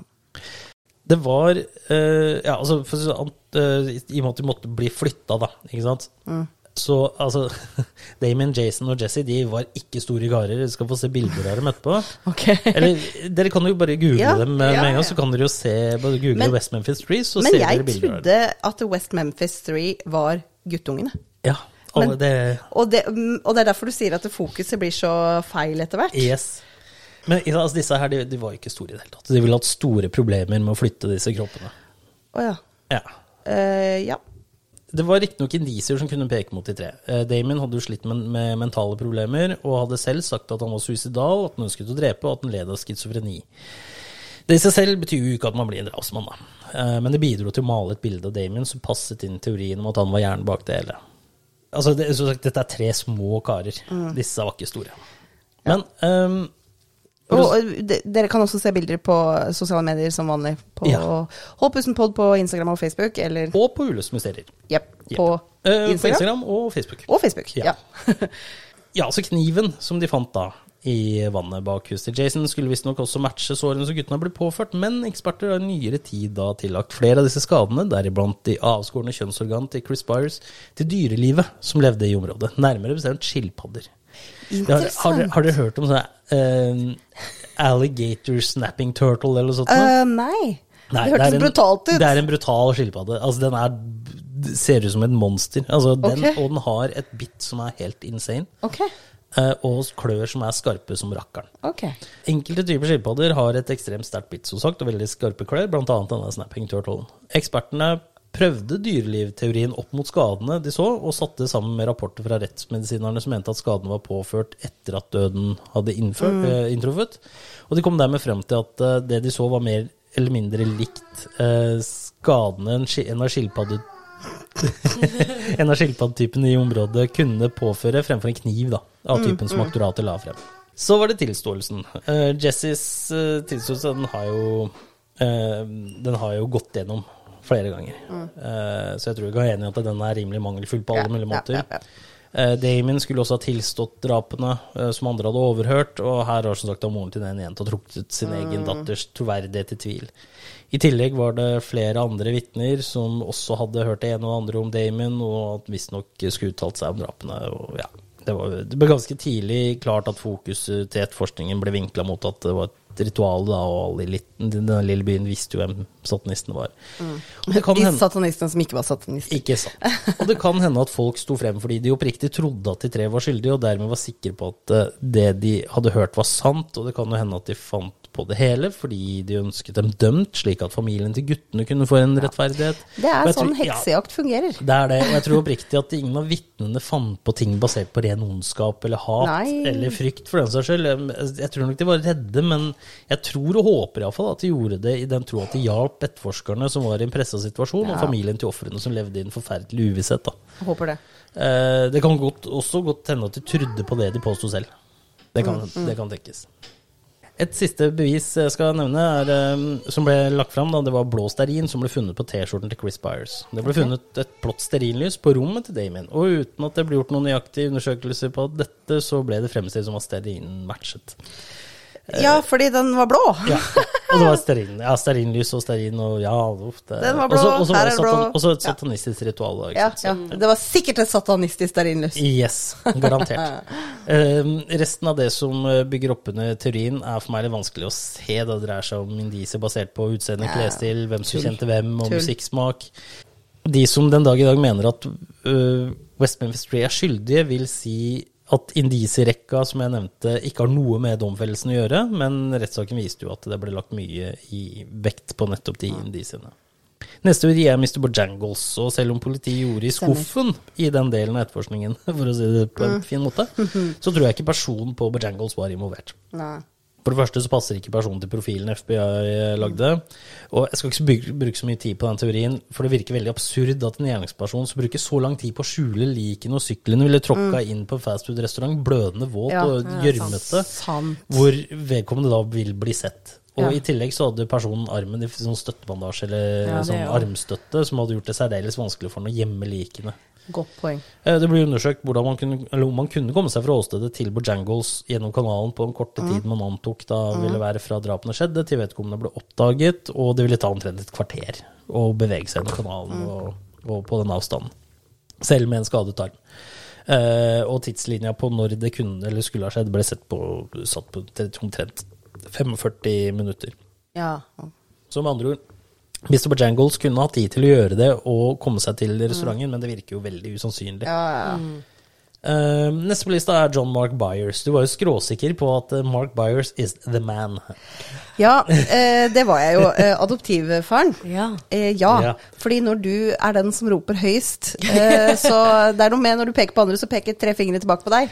Mark Byers er eh, Hva skal jeg si Han var Han er en- sketchy. Han var, han var veldig Jeg tror han var veldig glad i å være Han var litt drama queen. Litt sånn, ja, litt sånn center of attention-type. Ja, Ja. Pisker opp stemninga litt. Veldig pisker opp stemninga og, og være litt altså, Det virker som han bare Yes, nå skal jeg bare være mye, så jeg kan hjelpe, og så videre. mm. ja. Nå skal jeg rope høyt, så vi får uh, saken løst, liksom. ja, ja, ja. Han var veldig mye. Uh, han hadde også innrømma at han hadde straffa Chris fysisk før forsvinningen. Og vitner som snakka med guttene før de forsvant, fortalte senere at Chris hadde sagt at han skulle rømme hjemmefra fordi han var lei Mark. Ja.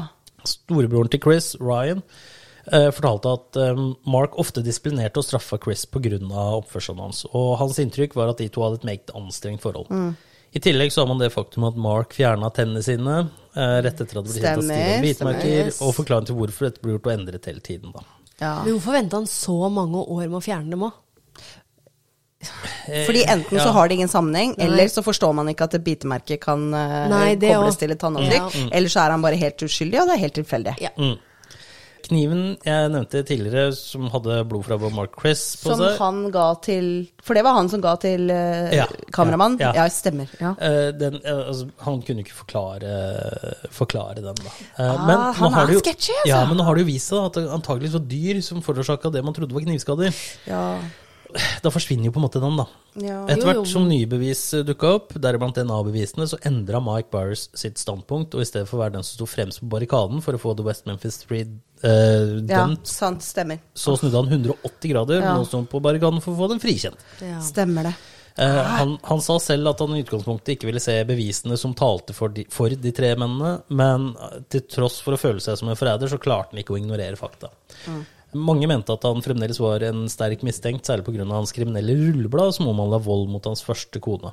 Nå skal det også nevnes at David Burnett fjerna de anklagene fra rullebladet til Byers i 93. Burnett, ja. Han er jo Ja så innmari god dommer. Ah, Fantastisk. Veldig bra. Sikkert like god senator. Ja, Eh, vel, knakende eh, fyr, det der, ass. Ja, men han hadde andre ting som narkotikasalg, våpen, besittelse og tyveri, da.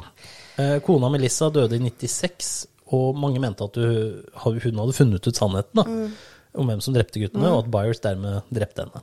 Men både vitnebeskrivelser fra da Melissa ble funnet død, og obduks obduksjonsrapporten tilsier at Mike Byers ikke hadde gjort noe ulovlig. Sterkeste argumentet mot at det skal være han, er jo at han faktisk endra mening. Det, ja. Eh, han, eh, han ville ha de eh, tre som ble dømt, han ville ha dem frikjent. På drapsdagen så hadde også Byers ganske gode alibier. Ja, ok, Eh, det òg, han, da. Ja. han var den første som ringte politiet. Han innrømma at med en gang at ja, han hadde slått Chris, Mm. og han hadde også henta Ryan på tinghuset i West Memphis på omtrent den tida man anslår at guttene ble drept. Ja. Eh, og han, han eh, lette sammen med politiet, lette sammen med andre naboer osv., så, videre, så folk så han hele tiden. Ja, ok. John Mark Byers døde i en bilulykke i 2020. Men før det så hadde han jo skværa opp med Damon og beklaga for hvordan han hadde oppført seg. Og altså, det- er så hyggelig. Oppførselen hans, da. Jeg, jeg kan ikke beskrive det. Nei, for det, var, det, var, det var helt drøyt. Det ser du i Paradise Lost-dokumentaren. Vi skal se den. Ja, Der Oi. ser dere hvor Altså, han, han blir filma mens han står og skyter på, på gresskarhoder, som han da har kalt Damien, okay. Jason Ja, og Jesse. Okay. Ja, og, og, Eh, og, og, blant annet. Det er ja, en av de men da må jeg mildere si. Mm. jeg får mer respekt for han, for, å, for å svelge den kamelen. At du endrer mening etter å ha gjort det så offentlig. Ja. For det krever sin mann, altså. Han kjempa helt til det siste for ikke bare å få saken til The West Memphis Free gjenopptatt, men også for å få frifunnet dem, og Mm. i tillegg få satt i gang en etterforskning mot mannen han mente var, eller som han var overbevist om var den faktiske drapsmannen. Og det var Og det leder meg til den siste teorien, nemlig Terry Hobbs. Jaha. Nå har jeg fortalt, mye om Terry og hans bevegelse på drapsdagen. Nå skal det sies at det er mange indisier mot Terry, og man skal være veldig forsiktig med å dømme noen basert på indisier alene, noe denne saken er et solklart bevis på. Ja, jo, jo. Så har man DNA-beviset som kan knytte Terry Hobbs til Michael Moore, og drapshandlingene er som nevnt i grunnen ikke nok bevis, dette her, da, til å dømme noen. Eh, det kan knyttes omtrent 1,5% av befolkningen i USA, dvs. Si omtrent 4,5 millioner amerikanere. Og en av de er han. Samtidig, ja. Samtidig kan man spørre seg hvor mange av de 4,5 millionene hadde, hadde tilknytning Ja. til guttene, kjente området i Robin Hood Hills, eh, og passa nært sagt på alle punkter til gjerningspersonsprofilen til FBI, Ja. Og som var kjent for å ha et temperament som kunne vært eksplosivt, Mhm. som mangla alibi på flere tidspunkter på drapskvelden. Mhm. Så kan du gi eh, han, altså de, de tidspunktene som han ikke har alibi, det Mm. kunne gi han mulighet til å utføre og skjule drapene Ja. han var jo også eh, flere ganger innom David Jacobi. Mm. Eh, noe som kan forklare hvorfor du har funnet et hår som Ja, matcha han ja. i nærheten av åstedet. Ja. Eh, nå skal det også nevnes at Michael Moore var ofte hos Hobbes-familien, og hårene som ble funnet i knutene på skolissene eh, de ble bundet med, kan ha smitta over og ikke komme fra Terry på åstedet i det hele tatt. Eh, Men samtidig kan sjansen for det være forholdsvis liten, da, for det blir funnet inni Ja, en inni knute knute, som ja. ble laget der Ja. da de ble svinbundet. Det er det jeg mener. Eh, oppførselen hans på drapsdagen kan forklares med at han rett og slett ikke brydde seg om hva som hadde skjedd med Stevie, og at han innerst inne håpa på at han endelig hadde rømt hjemmefra. Pam og hennes families anklager da, mot Terry, som eh, at de fant kniven til Steve, Stevie i nattbordskuffen hans, at han vasket klær sent på drapsdagen osv., noe som var jo helt utafor hans karakter. Det kan jo selvsagt være løgner fra en ekskone som er satt ut i forsøk på å få tilbake et lite snev av makta som Terry tok fra henne gjennom år med mishandling. Men Pam fortalte at hun begynte å mistenke Terry allerede etter, rett etter drapene, gjennom rettssaken og etter domsavsigelsene, men hun nekta egentlig å tro på det sjøl. Hun turte ikke å tro på det, mm. fordi det rett og slett har blitt for mye for henne. Eh, Men helt ærlig er det såpass mange indisier som peker i retning Hobbes, som er basert på fysiske bevis og ren logikk, som gjør at han fremstår som hovedmistenkt i denne saken. Særlig om man setter det sammen med hans egne motstridende forklaringer om hva han foretok seg den 5. mai Ja. 1993, og det faktum at Jacobi rett og slett ikke støtta det alibiet Terry mente han var. En ting jeg ikke har nevnt om Terry ennå, er hva han jobba med. Hvis dere Slakter. husker Yes, Slakter. helt riktig. Han jobba som slakter. Eh, og, en annen ting. Da var jeg kjapp! det- og en annen ting. Terry Hobbs han hadde visstnok også trukket tennene sine på omtrent samme tid som bitemarkene var oppdaga, uten at han gitt forklaring om hvorfor dette ble gjort. Åh. Så, ok, så når Det de er ble opp, mer Det var logisk. 1996. De ble 97. opp, 97, hvor de bare Hei, vent litt, her er det jo faktisk bitemerke i panna på Ja, det var, ungen 90, her. det var 96, ja. Ja. Også, men det Her er det men ble bitemerke. ikke- Og han bare ja. Oi! Da går jeg og trekker tennene mine, jeg. Ja, ikke sant? Den dag i dag så har ikke Terry Hobbs blitt avhørt av politiet utenom det forholdsvis vennlige avhøret i 2007. Mm -hmm. Jeg har prøvd å finne ut hva de involverte i denne saken da, gjør i dag, og en av de tingene jeg fant ut, var at Terry Hobbs per dags dato er forsvunnet.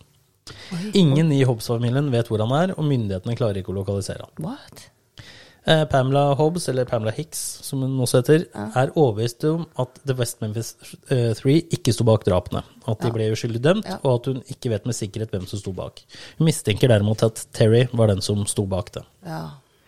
Melissa Byers eh, døde i 1996 av en kombinasjon av narkotika og reseptbelagte medisiner, og Mark Byers døde som nevnt i en bilulykke i 2020. Ifølge Mark døde Melissa av et knust hjerte, og pga. tapet av Chris begynte hun å selvmedisinere.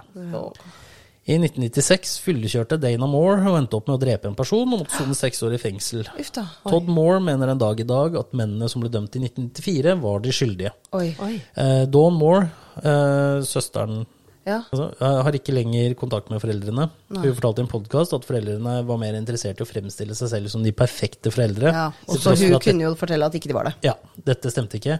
Og det var en av de årsakene til at hun var såpass låst fast i meningene sine at de ikke ville anerkjenne nye bevis som hadde dukket opp gjennom årens løp, for da måtte de igjen i en rettssak og bli konfrontert med disse påstandene. Ja. Og det, de ville heller bare nei, holde på at det er de, og sånn at de selv virker bedre. Da. Ja, de hadde Det- ikke så det- vondt det- da som pårørende. Men det er Dawns Jo, ja, Uh, det er klart. Det er Dawns, ja. Jesse Miskelly han flytta tilbake til West Memphis. Uh, han, holder seg, han holder seg unna sosiale medier, har ikke mobiltelefon, ingen fast bopel. Bor stort sett på sofaer hos venner og bekjente, flytter rundt ofte, tar småjobber her og der. Og Oi. mer enn det vet man rett og slett ikke. Jeg så en dokumentar hvor de skulle prøve å få tak i han, og de jobba i flere måneder med å prøve å lokalisere han. Eh, Jason Bolbin flytta til Seattle og arbeida innafor byggebransjen før han flytta til Austin i Texas for å starte en ideell organisasjon som heter Proclaim Justice, som arbeider for å avskaffe dødsdommer og for å hjelpe folk som er blitt uskyldig dømte. Bra. Damien Eccles ble kjent med Laurie Davis i 1996 mens han satt fengslet, og etter at hun hadde sett dokumentaren Paradise Lost og begynte å brevveksle med henne. Ja. De gifta seg i 1999, og etter løslatelsen i 2011 så flytta de først til New York, hvor de fikk bo i leiligheten til Peter Jackson, sånn Oi. for en overgang. Oi.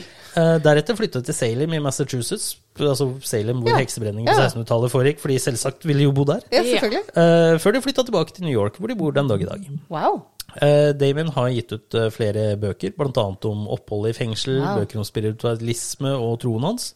Han har vært med på flere podkaster og skrevet sangtekster, vært med å synge på låter. Og en fun fact Ja. er at karakteren Eddie Munson fra Stranger Things er basert på Damien. Er det sant?! Han blir også uriktig beskyldt for drap.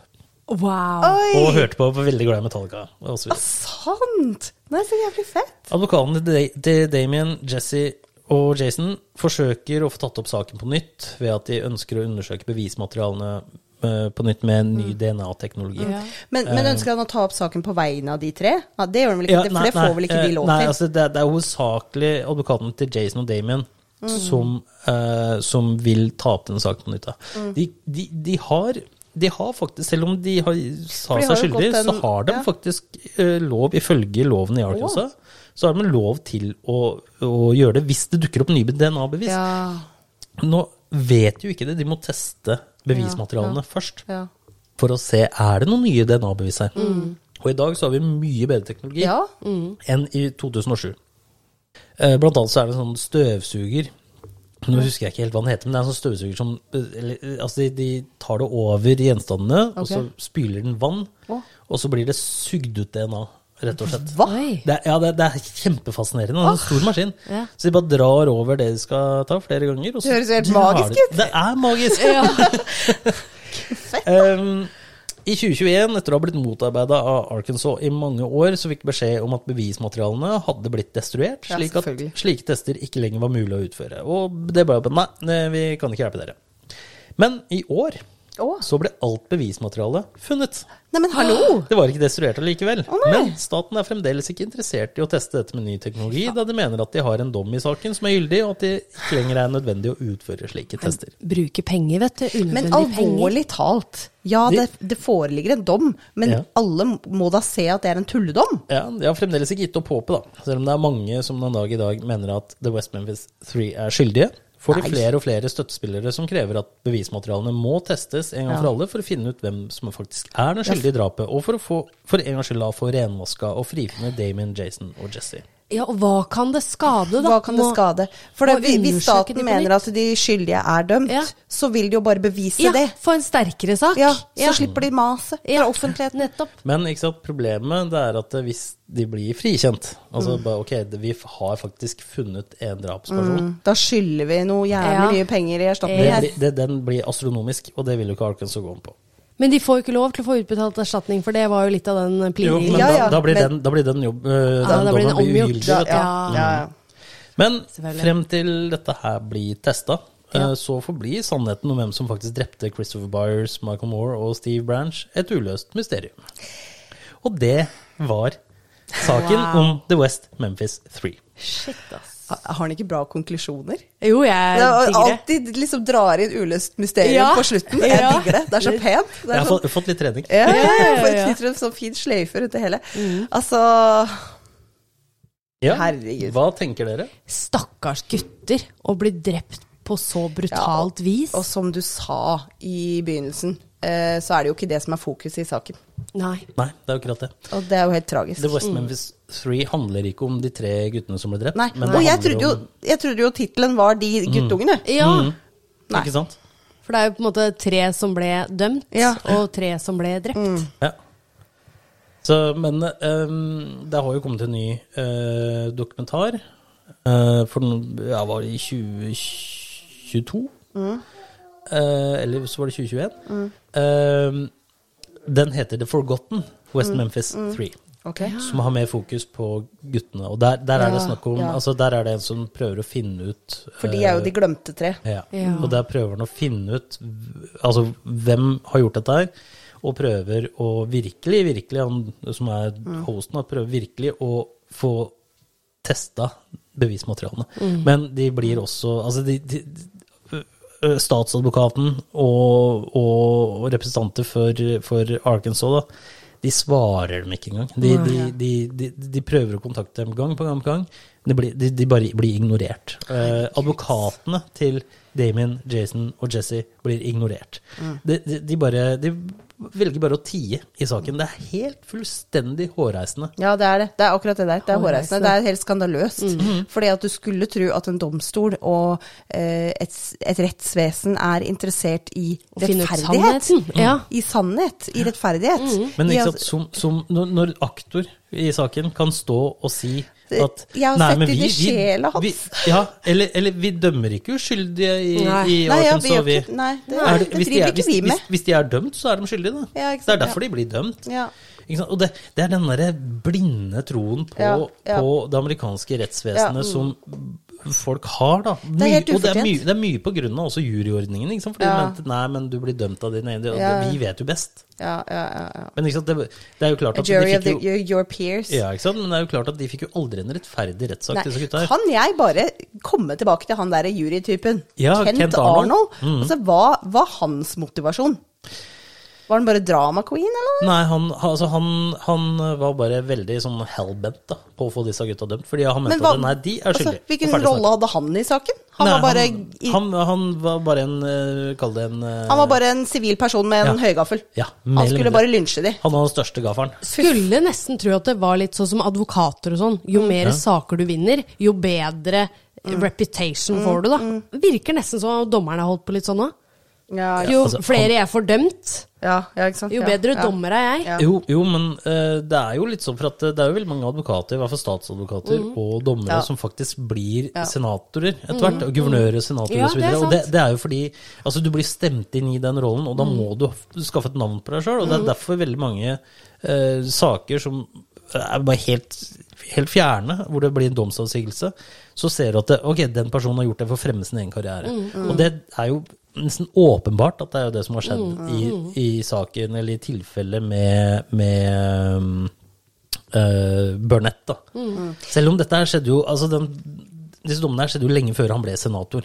Ja, ja, ja. Men han gikk jo ikke tilbake på det sa at å ja, hm, ok, nytt DNA-bevis, ja det bør kanskje ikke ha, men nei, det, Nei, han, det er han, ikke nok godt han nok var bevis. beinhard hele veien, han. Ja, Ja, men ja. Det er ikke, altså, ingen bevis nok var gode nok, da. ikke sant? Mm, Men det er jo sånn politiet også jobber, uh, ofte virker det som. At Mm. dem, dem har jo også en statistikk på hvor ofte uh, Hvor mange saker får de løst, og hvor lang tid tar det. Ja, ja, ja. Så de vil jo bare ha noen De vil bare ha en dom. Ja, ja. Ja, og ikke, ikke nok med det, men ikke sant? du har jo også da politiet som, eh, som uh, de, de vil jo ikke si at nei, vi gjorde en feil. Nei. Fordi da taper jo de ansikt, ikke sant. Mm. de står jo på sin avgjørelse, og det, det, jeg, skjønner jo, jeg skjønner jo på en måte det. At nei, vet du hva, dette her er det vi kommer opp til. Vi, vi, dette støtter vi.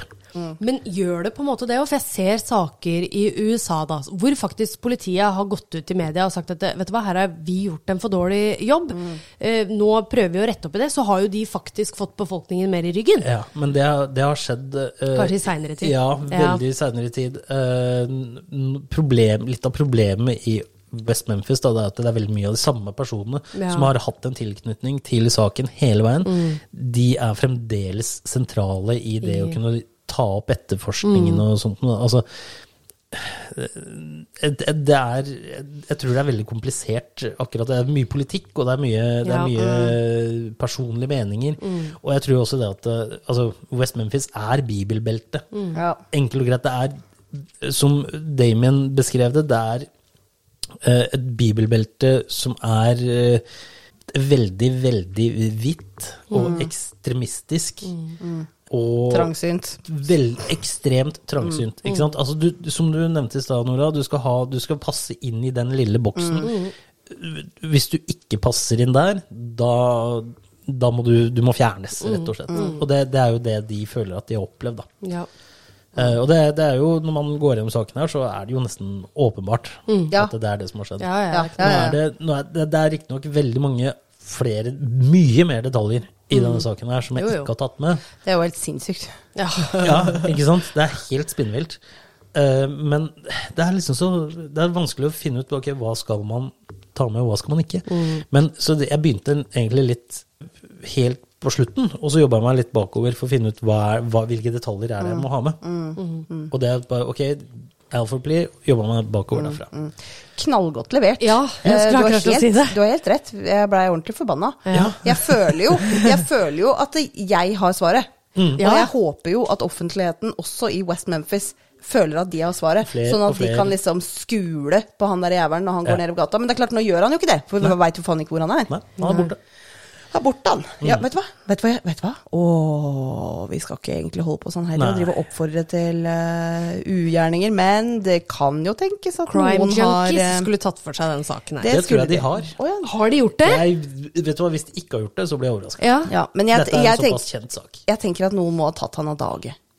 Ja, Men eh, så har han rett og slett bare flykta. Reist til Mexico. Ja. Nei, men, nei, men det ønsker jeg jo ikke for han. Nei, jeg unner jo ikke han det. Nei, så nå, det- nå, hvis jeg får skrive min historie her, så, så er han eh, Han ligger under torva et sted. Nora blir veldig frustrert når hun ikke får et svar. Ja. Jeg skal, jeg skal ha et svar. Ja.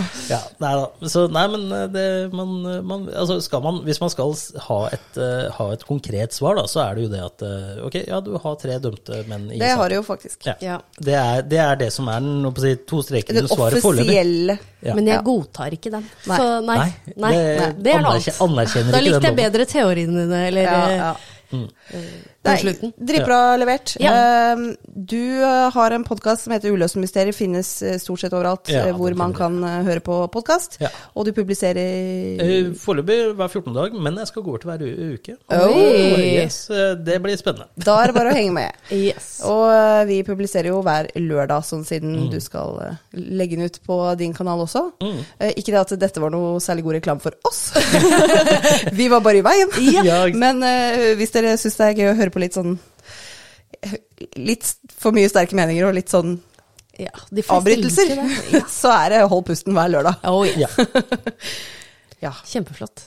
Takk Da- for at du kom, og takk Ja. for eh, at du underholdt oss. Hjertelig takk for at jeg fikk eh, komme. Takk og for at, eh, lykke til på livesending. Ja, det blir kjempespennende. Ja. Livesending, folkens. Eh, det er jo neste Til uke. onsdag. Til onsdag. Til onsdag Ja. i Drammen. Yes. Og hos Solveig. Hos Solveig. Hos Solveig heter Klokken puben. Kommer du? Eh, jeg vet ikke om jeg har mulighet. Jeg skal se om jeg har tid. Ja, ikke Ja. Ja. Hvis jeg har det, så tar jeg en tur. ja, da får vi se. Så kanskje Ja. det blir uh, celebert oppmøte. Yes, ja, å ja. Eh, Men da bare snakkes vi neste uke. Det gjør vi. Neste gang. Ja.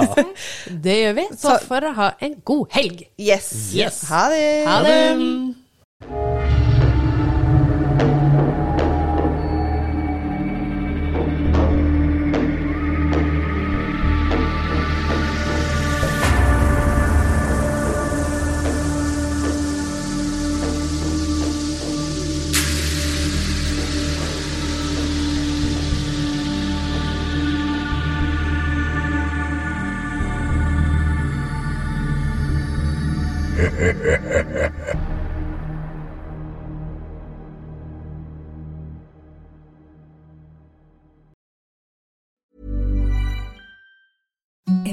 Softest sheets you've ever felt. Now imagine them getting even softer over time. That's what you'll feel with Bowl and Branch's organic cotton sheets. In a recent customer survey, 96% replied that Bowl and Branch sheets get softer with every wash. Start getting your best night's sleep in these sheets that get softer and softer for years to come. Try their sheets with a 30-night guarantee. Plus, get 15% off your first order at bowlandbranch.com. Code BUTTERY. Exclusions apply. See site for details. Hi, I'm Daniel, founder of Pretty Litter. Cats and cat owners deserve better than any old fashioned litter. That's why I teamed up with scientists and veterinarians to create Pretty Litter. Its innovative crystal formula has superior odor control and weighs up to 80% less than clay litter. Pretty Litter even monitors health by changing colors to help detect early signs of potential illness. It's the world's smartest kitty litter. Go to prettylitter.com and use code ACAST for 20% off your first order and a free cat toy. Terms and conditions apply. See site for details. Hey, it's Paige DeSorbo from Giggly Squad. High quality fashion without the price tag. Say hello to Quince. I'm snagging high-end essentials like cozy cashmere sweaters, sleek leather jackets, fine jewelry, and so much more. With Quince being 50 to 80% less than similar brands. And they partner with factories that prioritize safe, ethical, and responsible manufacturing. I love that. Luxury quality within reach. Go to quince.com slash style to get free shipping and 365 day returns on your next order. Quince.com slash style.